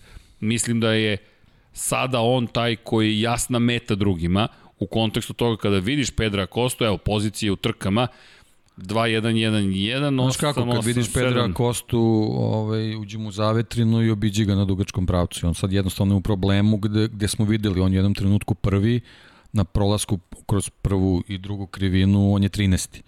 Jednostavno, upravo to što, što ste pričali u prenosu, on, on više nije vozač koji je van fokusa. Ne, nije, nije. On je tu, ali, ali, Ranije ga ali pustiš, vidi, to je, okej. to je Moto Grand Prix. A, njegova velik, veliki kvalitet, ovaj, naravno videli smo da je brz i to je nesporno i to stoji sad dobro. Nekako su se vezale trke sad, znaš, kad ti, pazi, on je Novajli od koga svi očekuju da pobeđuje. To je, to je već- sad već, već ga vidimo kao šampiona. Ovaj, ali, ali e, fascinantno je koliko ume da se skloni od problema. To je nešto što je, što je njegov, njegov veliki kvalitet koji mogu da spomenem John McPhee neverovatno. Znači jed- jednostavno Hoćeš da pričamo o ako, ako, ako si u nekoj, ako u nekoj trci ne budeš magnet za probleme, nije nikakav problem da sam sob, se- sebi stvorim.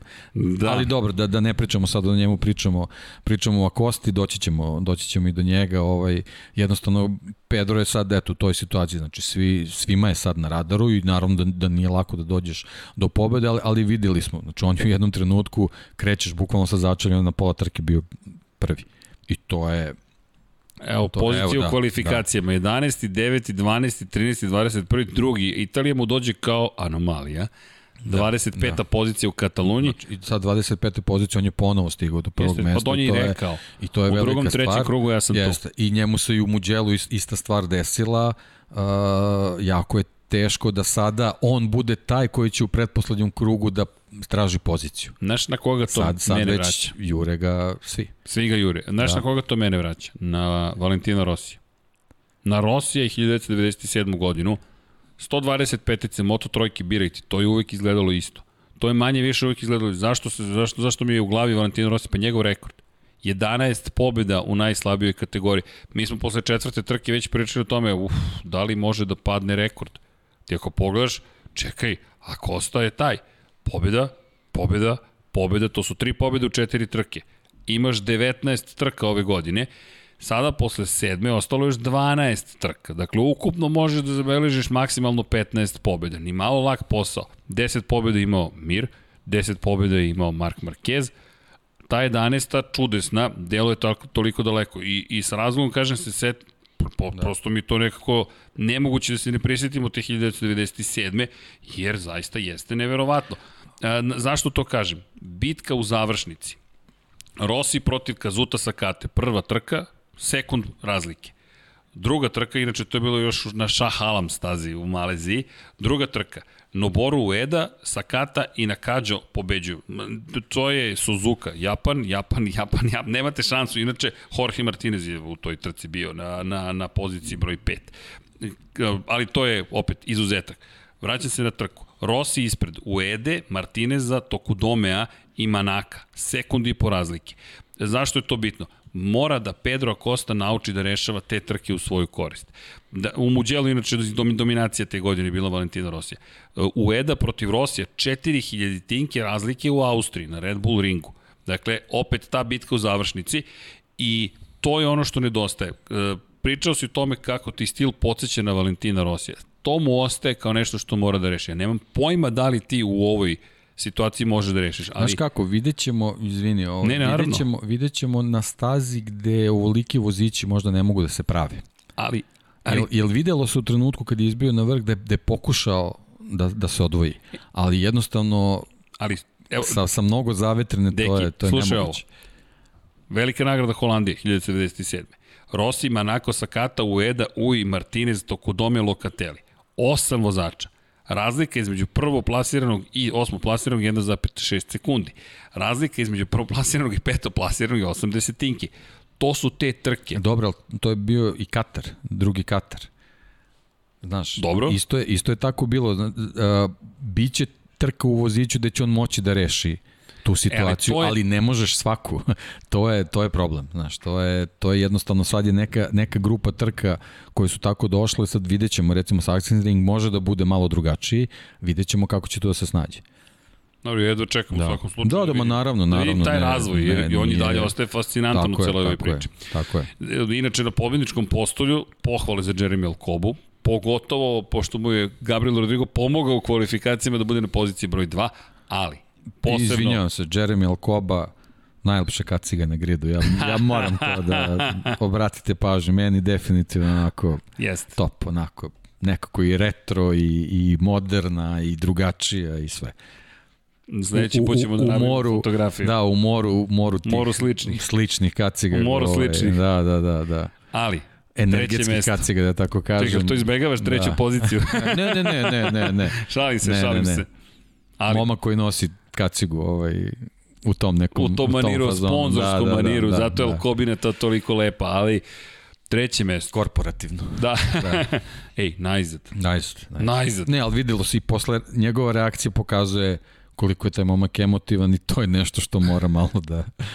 da, da ali ne, ali mislim, to je njegova priroda. Ne, ali to je njegova priroda ne, i ne, drago mi je zbog njega. Ne, Zori koji ne znaju Denis da. Ondžu. Da, da. Denis da, Ondžu koji da. jeste preagresivan i ti vidiš da on preagresivan. Teh 3, Teh 3, ekipa, važno. Priča, da, da. Irače, čerka RVA Ponšarala radi kao medijska predstavnica i ona je zagrlila Ondžu pred kraj. I to je isto lepa porodična priča i situacija, ali Ondžu koliko je plakao. Pa ne, koliko mislim, skoro plakao. nismo videli, ovaj, bilo je suza i Millerovih i ovih onih, ali tokom intervjua da se neko toliko zaplače, mislim stvarno, ono, svaki čas. A ti, ali je to Jednostavno da, vidi se to. Pokazatelj da. koliko je da. tebi važno I da ti ovo postigneš. To je, to je kad, kad ovaj, na sledećoj trci budete pratili Denisa Onđo, setite se tih suza na, na ovim vidi. izjavama i, i, i shvajtajte onda šta, mu ispod, šta se nalazi ispod kacije. Ali vidi ovo, ovo, ove zube ajkule. 18, 17, 16, 24, 19, Ma da, 12, ogromno, 25, ogromno odustao, 15, da. 8,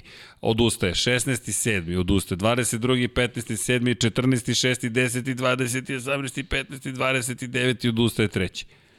Da, ovde, ovde po ovoj logici trebalo bude još jedno odustanje od 20 neko mesto. to, to, to. Ali ne predaje ali, se. Da, ali ne da, predaje da, se, vidi, to je, to jeste. Da. Jer ovde je lako u Španiji mogu da bude na pobjedičkom da. postoju, u Italiji mogu da bude na pobjedičkom postoju. je svima i njemu i Kenanu i... i Jeste, i Kenan Soforo je bio prisutan. RV-u i ekipi čitavoj, znači konačno. I mislim da i Pitu da, Bajreru da. laknulo da su da. svi rekli Ok, da. najzad. Zamisli da je ponovo čušno masiju ili nešto. Ne, ne, izgledalo je. Mislim da, da... Ali njegovi dueli u kvalifikacijama.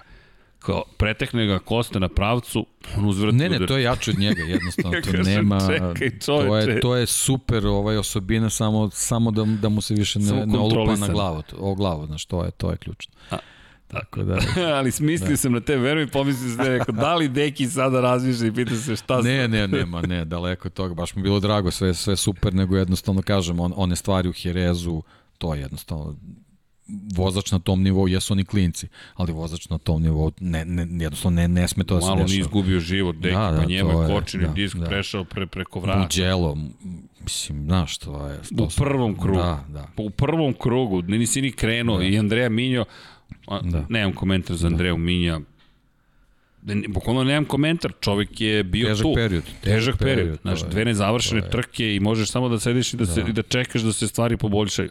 Da. Ali opet, da se vratimo na ovo pozitivno, Anteni Zondžu, prelepa treća pozicija. Ne, i sjajna Lepo borba, vidjeti. sjajna Sjajno, borba sjajno. i, i u njegovom stilu nema odustajanja. Ma. To je Inače, to. Masija je bio treći, ali napravio grešku, Da. ali baš je sišao Da. sa staze, otišao je Jeste, dosta jeste, široko. jeste, to Prvi put da gledam i Da. kažem, ok, sad Da. ne, nema mnogo Ne, videlo da se da zameri. nema usporavanja, stvarno, on, on tu ništa nije izgubio. Ne. To je, a, a ona, ona, ona milimetarska ovaj, sil, milimetarske sile gde ti vidiš da jednostavno oni gube balans na motociklu da, da to budu kazne. Ne, ne znam, mislim, sad Teško ovo je, je, ovo je u sklopu tih kazni, ali ja kažem, ni, nisam, nisam pobornik te, te zelene površine, ali ne, nešto možda mora da se promani, možda će da ostane tako, ali šta da radimo, mislim jednostavno takva su pravila, Tako je. to je to i za, za Denisa je bitno, gaz do kraja, nema odustajanja i eto, isplatilo Svaka se. čast. To je to. I niko se tu nije bunio. Nema, nema, nema. Niko se nije Pa bunio. ne, vidi se i Masije. Masije- Jasno mu je bilo. Ok, Da, znao je i on kad je da, sišao, da, već da, vidi da, već, da. kao što je Milleru bilo jasno da će Zarko se da će kazniti vizir je zelen. Sve ti je jasno, ne, nema šta. Da. Da, ali, ali Jaume Masi da, izgubio poene, no da. opet 48 Dobro, njemu je bitno na da je tu, da, Tu on je. mislim, imao je baš i on jedan jako loš period, tako da, posebno u odnosu na, na E, igri Kostu, se, tako. igranka se otvo, otvara Pa se igra. polako, da, ovde, nije, polako. nije ovo, da, ništa, ništa rešeno, ovaj, naravno tu je, ovaj, a Kosti treba jedan ponovo dobar rezultat i to se odmah sve drastično menja, tako da vidi se kod njega u boksu, oni su opušteni, tako da to, je, to, to su ono, te, te neke šampionske karakteristike koje, su, koje se pokazuju, znaš, on, on nema, on jednostavno nije, nije uzdrman zato što startuje sa 25. mesta. Ne. On posle pola trke prvi. Ne, ne. Nema problem nikakav, to je, to je ovaj, eto kažem, opet se vraća za razliku od Johna McPhee koji povede. I, Moramo da, da spomenemo par ljudi. Derin Binder, pohvale, da. peto mesto rekao u intervju. Pa da, ajmo, ajmo možemo i po ekipama. Pa, tako da, to da, je. Bender je Da, rekao, meni je da. bitno bude među vodećih pet. Da. I to je to. Da i rekao je, još nisam pričao sa Petronasom za poziciju u Moto dvojci, ali doći će i taj trenutak. John McPhee ne, ne, ne vidim, baš radi protiv sebe. Ista Da. ekipa Petronas, ali John... Da, eto, ja, sećaš se, ja sam na početku sezone u- stavljao ga u grupu, grupu favorita za osvajanje, jednostavno verujući da ono sve što mu se dešavalo prošle godine da se neće ponoviti, međutim, loša sreća, a onda s druge strane ti kao ključan faktor u tim nekim problemima, mislim, da sebe lansiraš onako u trenutku kad vodiš, stvarno Ali, neverovatno, ali ali ne pričamo se. dečku od 15 godina, znači Ali, pričamo o jednom ozbiljnom motociklisti. Znaš. Ali videlo Da. se. Mi smo ponovili x puta da je previše agresivan, da je, da je izuzetno agresivan. Jeste. I ti vidiš, lj- prosto ljutnju vidiš kako izbije iz kacige. Kako ne vozi, kako nije staložen, nije pribran, nego to je ljutnje. Sad ću da pokažem. Ne, ne, sad je pravi trenutak da ne pokažeš. Znaš kako, ja njega vidim ga u Moto dvojkama iskreno, ali Pa, naći ne će verujem, ne verujem tako, naći se prostor, ali problem je sa Moto dvojkama, ti ako nisi u dve, tri vodeće ekipe, a pričali smo sad o tome, inženjere. nemaš, Nemaš. ti tu A Derin priliku. Binder dovoljno Nemaš dobro priliku. vozi, još je, brate, šampiona sveta, da, da. da kažeš, ok, Da. možemo da se kladimo na Bindera. Ne, Binder evo ova dobro trka, a, baš, a, ajde kako spomenju Bindera, on, ona pokazuje i ovo što smo pričali o Kosti. Binder i Kosta su u jednom trenutku bili su tu koji su se borili za pobedu, bojica su potonuli, jednostavno ogroman je vozić bio i, i ono, kad si u vojstvu u tom, seća se kako su sporili, niko nije želeo da izađe na startni pramac nije, kako prvi. Koba koji ali prvi na kraju su njih dvojica to morali, oni su potonuli do prve Jeste. krivine u, u poslednjem Pa krugu. slično je Rodrigo To prošao. da. Gabriel Rodrigo, pol I pozicija, Mugello je tako bilo vožnja, isto. ali... Mugello isto. Znaš, To ti je malo u i jednom, u jednom trenutku ja mislim da je moglo 13 da ih stane da jedan pored drugog na stazi bilo ih bilo bi ih mislim A to je u Barceloni, ali da. Vidi, i bilo je dosta pitanja načina koji menjaju smer kretanja i te bitke. Ljudi, to su 16-godišnjaci. Tako je od pamtiveka, od 125 kubika na ovamo. Pogledajte bilo koju stariju trku, ništa to nije drugačije. Pa kao zašto toliko menjaju smer kretanja, morali bi da se kontrolišu pogotovo 7 dana posle onakvog incidenta kako ćete vi da kažete tim klincima trkačima, nemoj tamo da ideš, a ovaj ga gura, ide, ide, ide, ide, ide. I nije brzo menjao smer kretanja, samo gura, gura, gura, gura, gura, pa ti siđi na travu ako hoćeš. I ovaj siđe na travu ili prođe na milimetar preko linije. Ne kažem da to, da mi je drago to što vidimo, ali to je ne, ne, gotovo nemoguće sprečiti.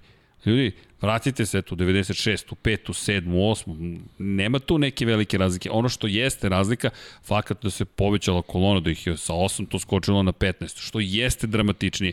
Ali opet, kako ćete vi, oni, oni jednostavno su svesni kako izgleda ta, ta, ta bitka, a ne vidim direkciju trke koja će time da upravlja. Ma ne, ne, to, to, to, to, ne vidim. to je nemoguća misija. Bukvalno je nemoguća misija. Je... Kako ćeš ti da kažeš ne. klincima malo ćete drugačije da vozite?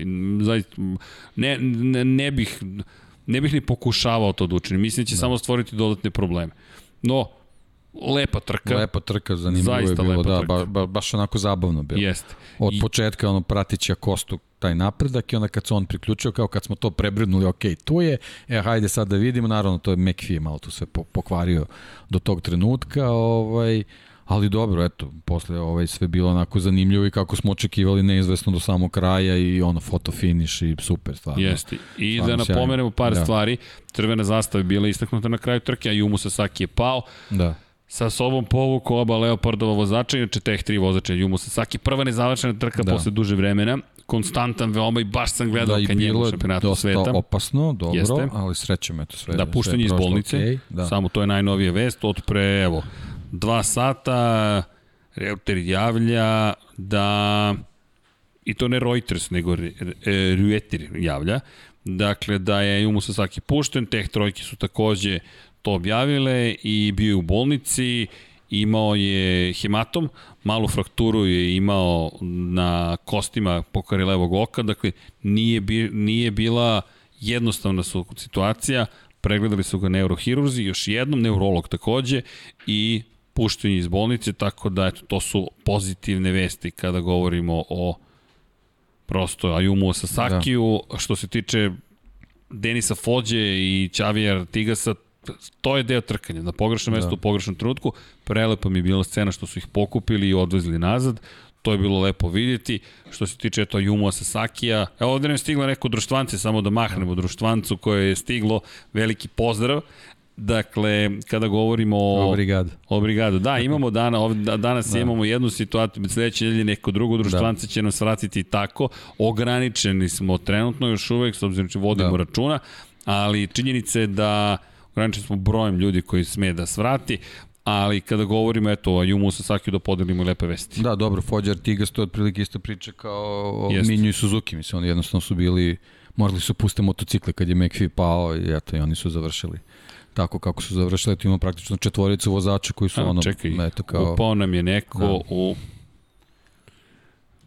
E pa, čing, nestao je lik ka ne, neki nešto su reklame pale ovde, to je uć, nestalo Dobro. i tako. Tako da znate. Uh, u svakom slučaju, da, kada je reč o, evo pitanje zašto večeras 21.00, pa uobičajeno vreme za Lab 76. Pomerili smo Moto Grand Prix, pošto je bilo mnogo pitanja i za Moto Grand Prix, pa smo rekli, ok, malo pomeramo unapred. Minus da, 1 za Moto Grand Prix, plus 1 plus, za F1. Da, tako je. Ali, da, li si, da li si u Baku, da li si u Barceloni? Tako E, da, da brzo prođemo kroz Moto E, pa da idemo na pitanje i odgovor i onda da se spremamo za Formulu da. 1. Da ne zaboravimo Moto E, lepo je bilo vidjeti da. ponovo na stazi, ali dramatično je bilo. Dramatično, mnogo mi žao Rika Granada, ovaj, peh na, na stazi na startu ugasio se motocikl, da. Ugasio se, stvari, ne znam kako se to zove. nije ni radio. da, nije ni radio. Kako je nije, znao da se ugasio? Nije mogao da se pokrene. Da, znaš, ono kao gledaš u, lap, u, u telefon po suncu, ne vidiš ništa, kao, znaš da, ali dobro, okej. Okay. Ne, mislim, ono, šalimo se, ali definitivno je za klasu bolji vozač od ostalih, to, to, to se vidi ovaj, silni pehovi, on kad se vratio, pošto je startovao iz boksa, uspeli su da pokrenu to, njegovi krugovi su bili fenomenalni, pol pozicija, fenomenalni krugovi u trci, nažalost pao je i on zato što je želeo da se pri, priključi ekipi napred. Ne, izvini, nasmeo neki... si me, nije fair. Pa da. Ali dobro. Pa dobro, eto. Ali dobro, nisu, niko nije povređen samo u celoj priči. Da, da, da, da, samo, da, da, samo da. primećuješ. Ali da, da Erik Grado šteta, da, eto, to je, to je onako ne, neki, neki moj utisak do sadašnjeg dela sezone. Granado je ubedljivo bolji vozač od ostalih, nažalost mnogo pehova pad u, pad u, u Herezu i, i ovaj problem sa startom, pa pad, to je već 50 bodova koji su otišli nekom drugom. Prva pobjeda za Miguela Ponsa, Super, mislim lep, lepa je borba bila. Da, Torres, inače, Torres ponovo iskusno ovaj, Samo da napomenu, bodove, prva da. pobjeda za Miguela Ponsa, da, Ponsa da. u karijeri, Dominik Egerter odličan, drugi, drugi Jordi da, Torres da. treći, pa Zakone, Aleksandar Zakone vodeći Egerter, šampionat. Torres, Zakone, to je ta neka ekipa Jeste. koja bi pratila ovaj Granada da, da nema tih pehova. Uveren sam da bi tako bilo.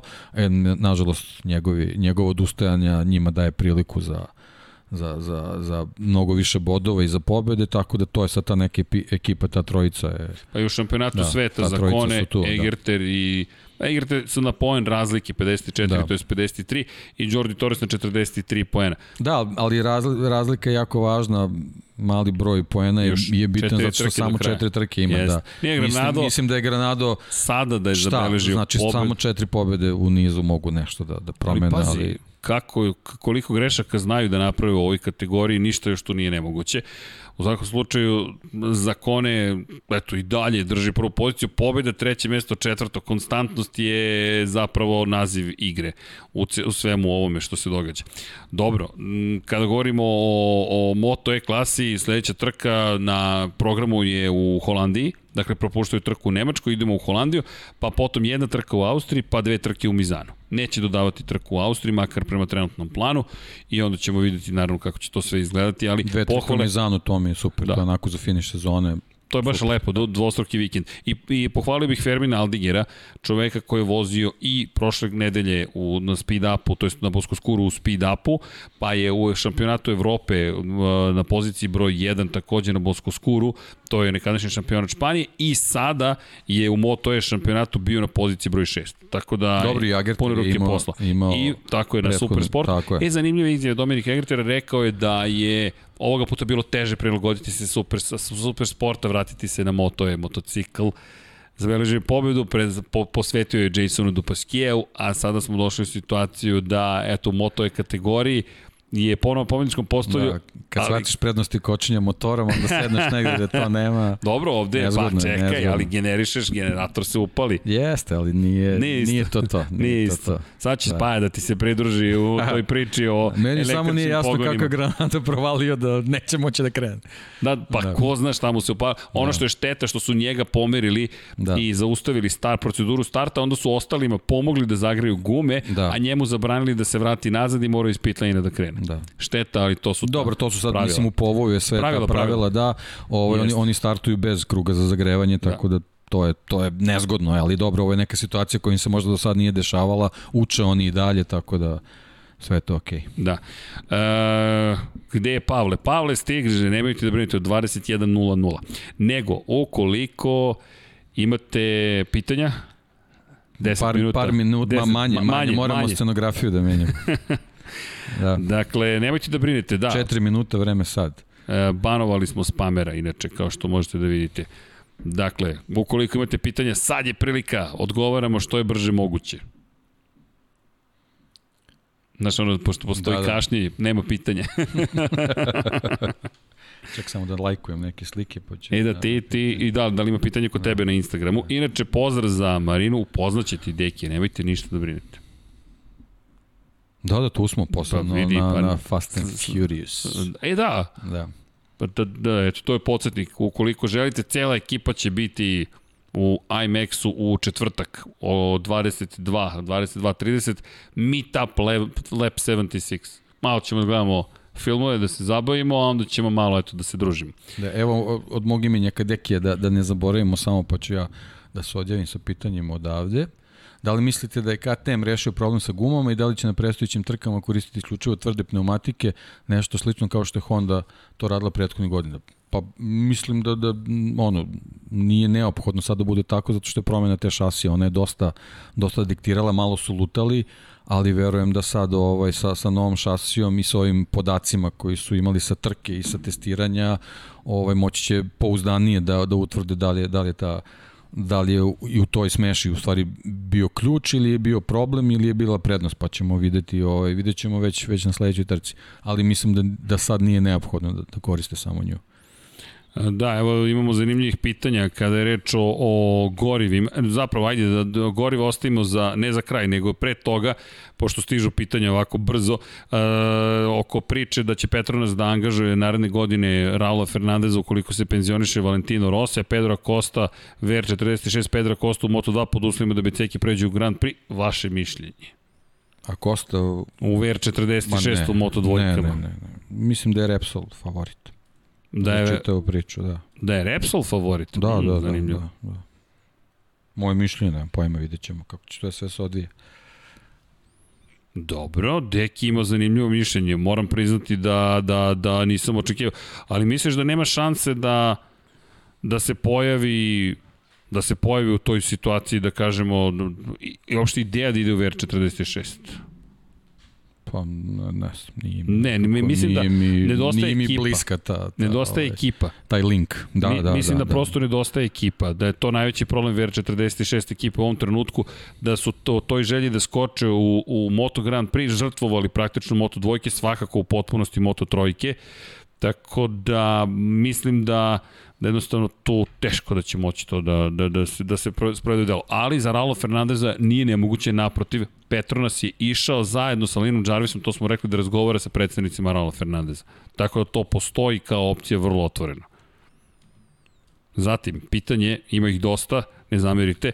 Ma evo, Zlatko pohvali, uh, Alessandro, Dominik i Jordi, odlična trojka. Da, Dominik Egerter, da. Deki, zašto je propao projekat Petronas Subaru u Superbajku 2006-2007? Opa, bio je dovedeni šampion Troy Corsair iz Suzuki-a. Pa dobro, to su ono mogućnosti očekivanja, želje, svašta se tu nešto, ovaj, sad dolazimo u detalje, ali nije, ne prolazi sve ono kako se, kako se očekivalo. To je jednostavno tako.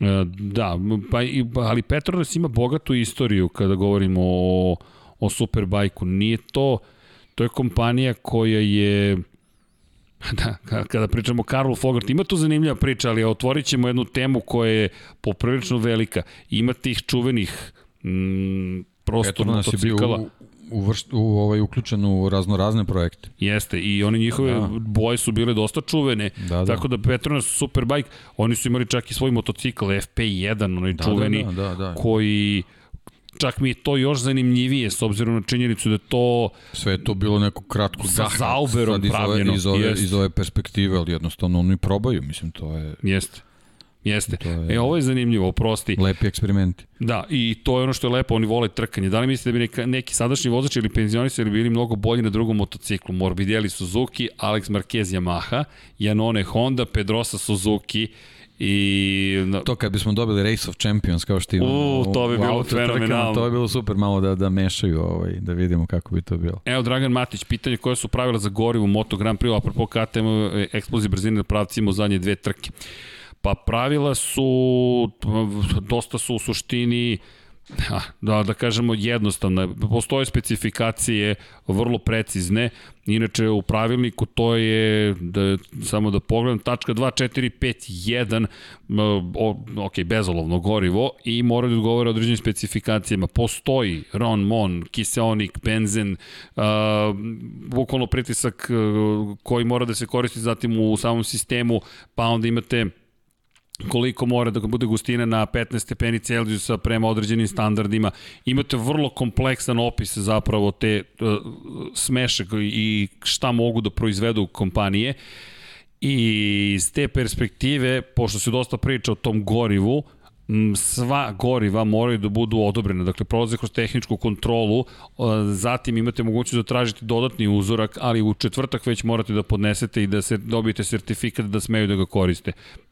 Tehnički direktor je taj koji je zadužen da odredi tehničkog redara praktično i da se prilikom provere odredi ogroman je taj pogotovo taj deo gori imaju temperaturi je poveći, ali stavit ćemo link prema samom pravilniku, u suštini imate vrlo striktna pravila ko šta smete da radite, šta ne smete, ali to je sada na tehnolozima koji su diplomirali na tehnologiji, na, jel te, na, ne znam koja je to katedra ili koja je to smer, ali oni se time bave. Zatim, ako ovako ostaje Rins, ko je njegova zamena? Ne, sad to je ta bitka, pa možda i Raul Fernandez. Da. Možda će Suzuki da kaže, ok, nama treba neko nov, a opet Španac je u pitanju. A možda neko ko balansirano vozi kao Morbidelli. Pošto, Možda. Pošto link postoji. Ima jedna crna linija na, na dnu Suzuki, možete da vidite. To je jedan ozbiljan link. Dobro, postoji link, jeste. Jeste. Srđan, da li se slažeš sa mojim mišljenjem da je Šumi za F1 što je Rossi za MotoGP? Pa, čak i Rossi još veći, zato što je on ceo sport odveo još dalje. Schumacher je već ušao u formirani sport, ali to ne umanjuje da, Schumo- vrednost. Schumacherova vrednost je što, se, što je bio u tom sportu u trenutku kad je nastao veliki problem zbog Sene. Da se nije pojavila Da. takva zvezda kao što Schumacher, ne znam kako bi taj, taj džep koji je iznada nastao, nesrećno, šta bi se tu izdešavalo. Tako da Drugačiji ima, ima, situacija. ima veliku ulogu. I da, ima veliku Rossi je nekako sam podigao da. Mislim, celu priču. Treba, treba malo obrazložiti to, ali, ali velika je uloga, velika definitivno. Da li je ovo trening za podcast od 46 sati, 3 sata Sve za MotoGP, pa posle za 3 sata F1? Jeste. Sve je trening. Bojan Ovo su kako danas ovo su testiranja, probamo neke nove Pa, komponente. mnogo ljudi je tražilo Akumulatore, MotoGP, kacige, dresove. Smijem da otkrijem, deki, sutra, Smešno, nije, nije sutra nam problem. deki takođe nije dostupan, ali nam se sve nekako poklopilo da Ali mnogo zašto ljudi... nije dostupan? Zašto nisi dostupan? Idem da testiram električni automobil.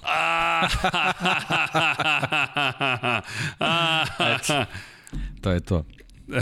Smijem da pitam šta ćeš testirati? Mm, ID3, Volkswagenu. Okej. Okej. Pa dobro, ništa, ako ti smeta, ja mogu da, ja ću se žrtvovati za preduzeće. Ne, da mi pokažeš na instrumentabli da li radi. da li radi ili ne. Eto, Zvaću Granada, dragi on- moji, on- on ima dragi više moji iskustva. gledalci, uh, od cijele priče da ne vole Formulu E i Moto E, dođe smo Ne, do ne, toga. mi smo profesionalci. Šta traže od nas, to radimo. Da, da, dobro. Do, da, vole motore sa unutrašnjim snegom. Gde je nestao derbi i Suter? Suter je dosta potonuo kada su forsirali Marka Markeza i prosto došli do situacije da su mnogi smatrali da nije fair što samo njemu daju prvu šasiju i odustali od ugovora, to je nekako dovelo do toga da izgube previše klijenata, a derbi pa to je prosto ni Gilere više nema, to je Aprilija. Jednostavno to je Piaggio koncern koji nema mogućnosti sada podrži derbi i Gileru na taj način. Prosto nisu tu, to sada radi zapravo KTM, uvodi svoje brendove, tako je Piaggio grupacija imala derbi, imala Gileru, e, isto sada radi i KTM, tako da je to neka vrsta zamere. Znali se kada će obaranje rekorda, još ne znamo, ali polako, polako. Preporuka za deke da koristi Instagram na brauzeru se lakše čitaju pitanje kada već ima laptop. A sve je okej, samo vi uživajte. da, u svakom slučaju, da Da ne bi... preterujemo s tehnologijom. A, da li bi mu trebalo, evo samo još par pitanja i idemo, da li bi Kawasaki, kada bi se vratio u MotoGP, da li bi mu trebalo par godina da razvi motor ili mislite da bi se već u prvoj sezoni pokazao kao pobednički Ma motor nikako, tim? nikako, Nema nema šans. šans. Ja nema mislim da šans. oni sa strahom gledaju u Moto Grand Prix momentu i kažu Posebno što Sada ti sad uči. imaš s ovim, s ovim potpisivanjem ugovora svih, Ja, svih jeste. ekipa koje su ovde, oni već imaju dugoročni plan razvoja, a, a, Ka- a Kawasaki tu da, da, da padne s neba, jednostavno nema šanse da bi u prvoj sezoni bilo šta uradio. Posebno što je uh, iskustvo koje imaju iz, iz svog prethodnog, boravka sa, sa, sa novim pravilima, to je nebo i zemlja, tako da oni apsolutno ništa ne mogu da koriste od onoga što su koristili u prethodnom periodu i to je to je to jednostavno. ima ovde Boris Deki testira od Slavije do Crvenog krsta. Da. to je na, ne, ovo, ovo će baš biti test da vidimo dokle može. Ok, da, Deki da, da istestiraš da, što maksimalno Baš i da ću nam javiš. pogledati da vidim da li ima varta unutra. Da nam javiš. da. to će biti zanimljivo. I evo, Luka, mišljenje kanične staze u Brazilu, da li biste volili da je ponovite, pod uslovom da je nisu demolirali i možda neka nova staza u Brazilu? Pa bilo bi lepo da se ode u, u, u Južnu Ameriku svakako. Čile je dobio dozvolu, pa su se ljudi koji žive u okolini staze bunili što dolazi Moto Grand Prix u Santiago, prevelika buka i onda su izgubili taj ugovor. Sve ima svoje. Da postoji, postoji, postoje naznake da će ovaj, Žakare Pagva staza koja je bila na, na prostoru Jeste. sadašnjeg olimpijskog kompleksa, da će na neki način da je ovaj, ponovo ne znam kako, ponovo naprave praktično, ali jednostavno problemi su sad naravno i, i, i zbog COVID-a, finansijske situacije, sve, sve nezgodnije, posebno Brazil znamo da koliko, koliko često upada u te ekonomske ovaj, poteškođe, tako da teško da će to u nekom skorom periodu da bude, ali da, ne, nedostaje ta staza zbog svog profila, dugačkog pravca i tako dalje, tako dalje, bilo bi jako zanimljivo, ali Ovaj Valentina Rosija može, možemo da pitamo kako je kako bilo, je bilo voziti, voziti na toj stazi, ove Zato ostale ne. Zato moramo da, da odemo da, i da, da ga da. ispratimo kad god da tako reši je, da ode u penziju. Mi se nadamo da će tako to ipak je. biti kada bude publike na tribinama, punim tribinama. A kada je reč o publici punim tribinama, nadamo se da ćete biti sa nama i pred punim tribinama kada je reč o Lab 76 broj 105 za Formula 1 koji počinje za 22 posle minuta. Lab 76 106. da. Zato što je ovo studio na kraju univerzuma da. Infinity Lighthouse. Veliki pozdrav ime cijele ekipe, kao i uvek što kažemo, vodite računa jedni drugima, mazite se i pazite se. Hvala vam još jednom za podršku Luki. Inspirativno je videti koliko ste uspeli, koliko ste vi stvari učinili, preko 500 poruka, preko 150.000 dinara, 22.000 dinara na licitaciji, hvala Marku Sezmoviću na, na poklonu, dakle na autogramima koje je dao i cijela ekipa koja je organizovala Limundu, prosto aukciju koja je do, do, donela još 22.000 dinara, pomozite nekome, kome god možete negde u svojom okruženju i naravno vodite računa jednima o drugima i ukoliko ste zainteresovani, pa eto, mi ćemo biti u IMAX-u, u Cineplexu, IMAX-u u 22 časa i otprilike tu negde između dve projekcije predpremijerno Pratite društvene ulici, mreže, tu će pisati tačno. Paklene ulici 9 i paklena četvorka iz Lab 76. Dakle, da, pratite naše društvene mreže, lupite like, da, subscribe i sve ostalo ukoliko vam je bilo zabavno, a i ukoliko nije, nas ćete zabaviti ukoliko udarite like, tako da eto, neko će se svakako zabaviti. Nadam se da ste uživali, veliki pozdrav što ime cijela ekipe Infinity Lighthouse, odosmo da se spremimo Prvo ja. za Uh, Buanoite, možda. O, je to čao svima? Nemam pojma, nije, ali... Okay. Moraš, čao, da, čao tuti. Laku noć, ali vidimo se uskoro. čao da. svima.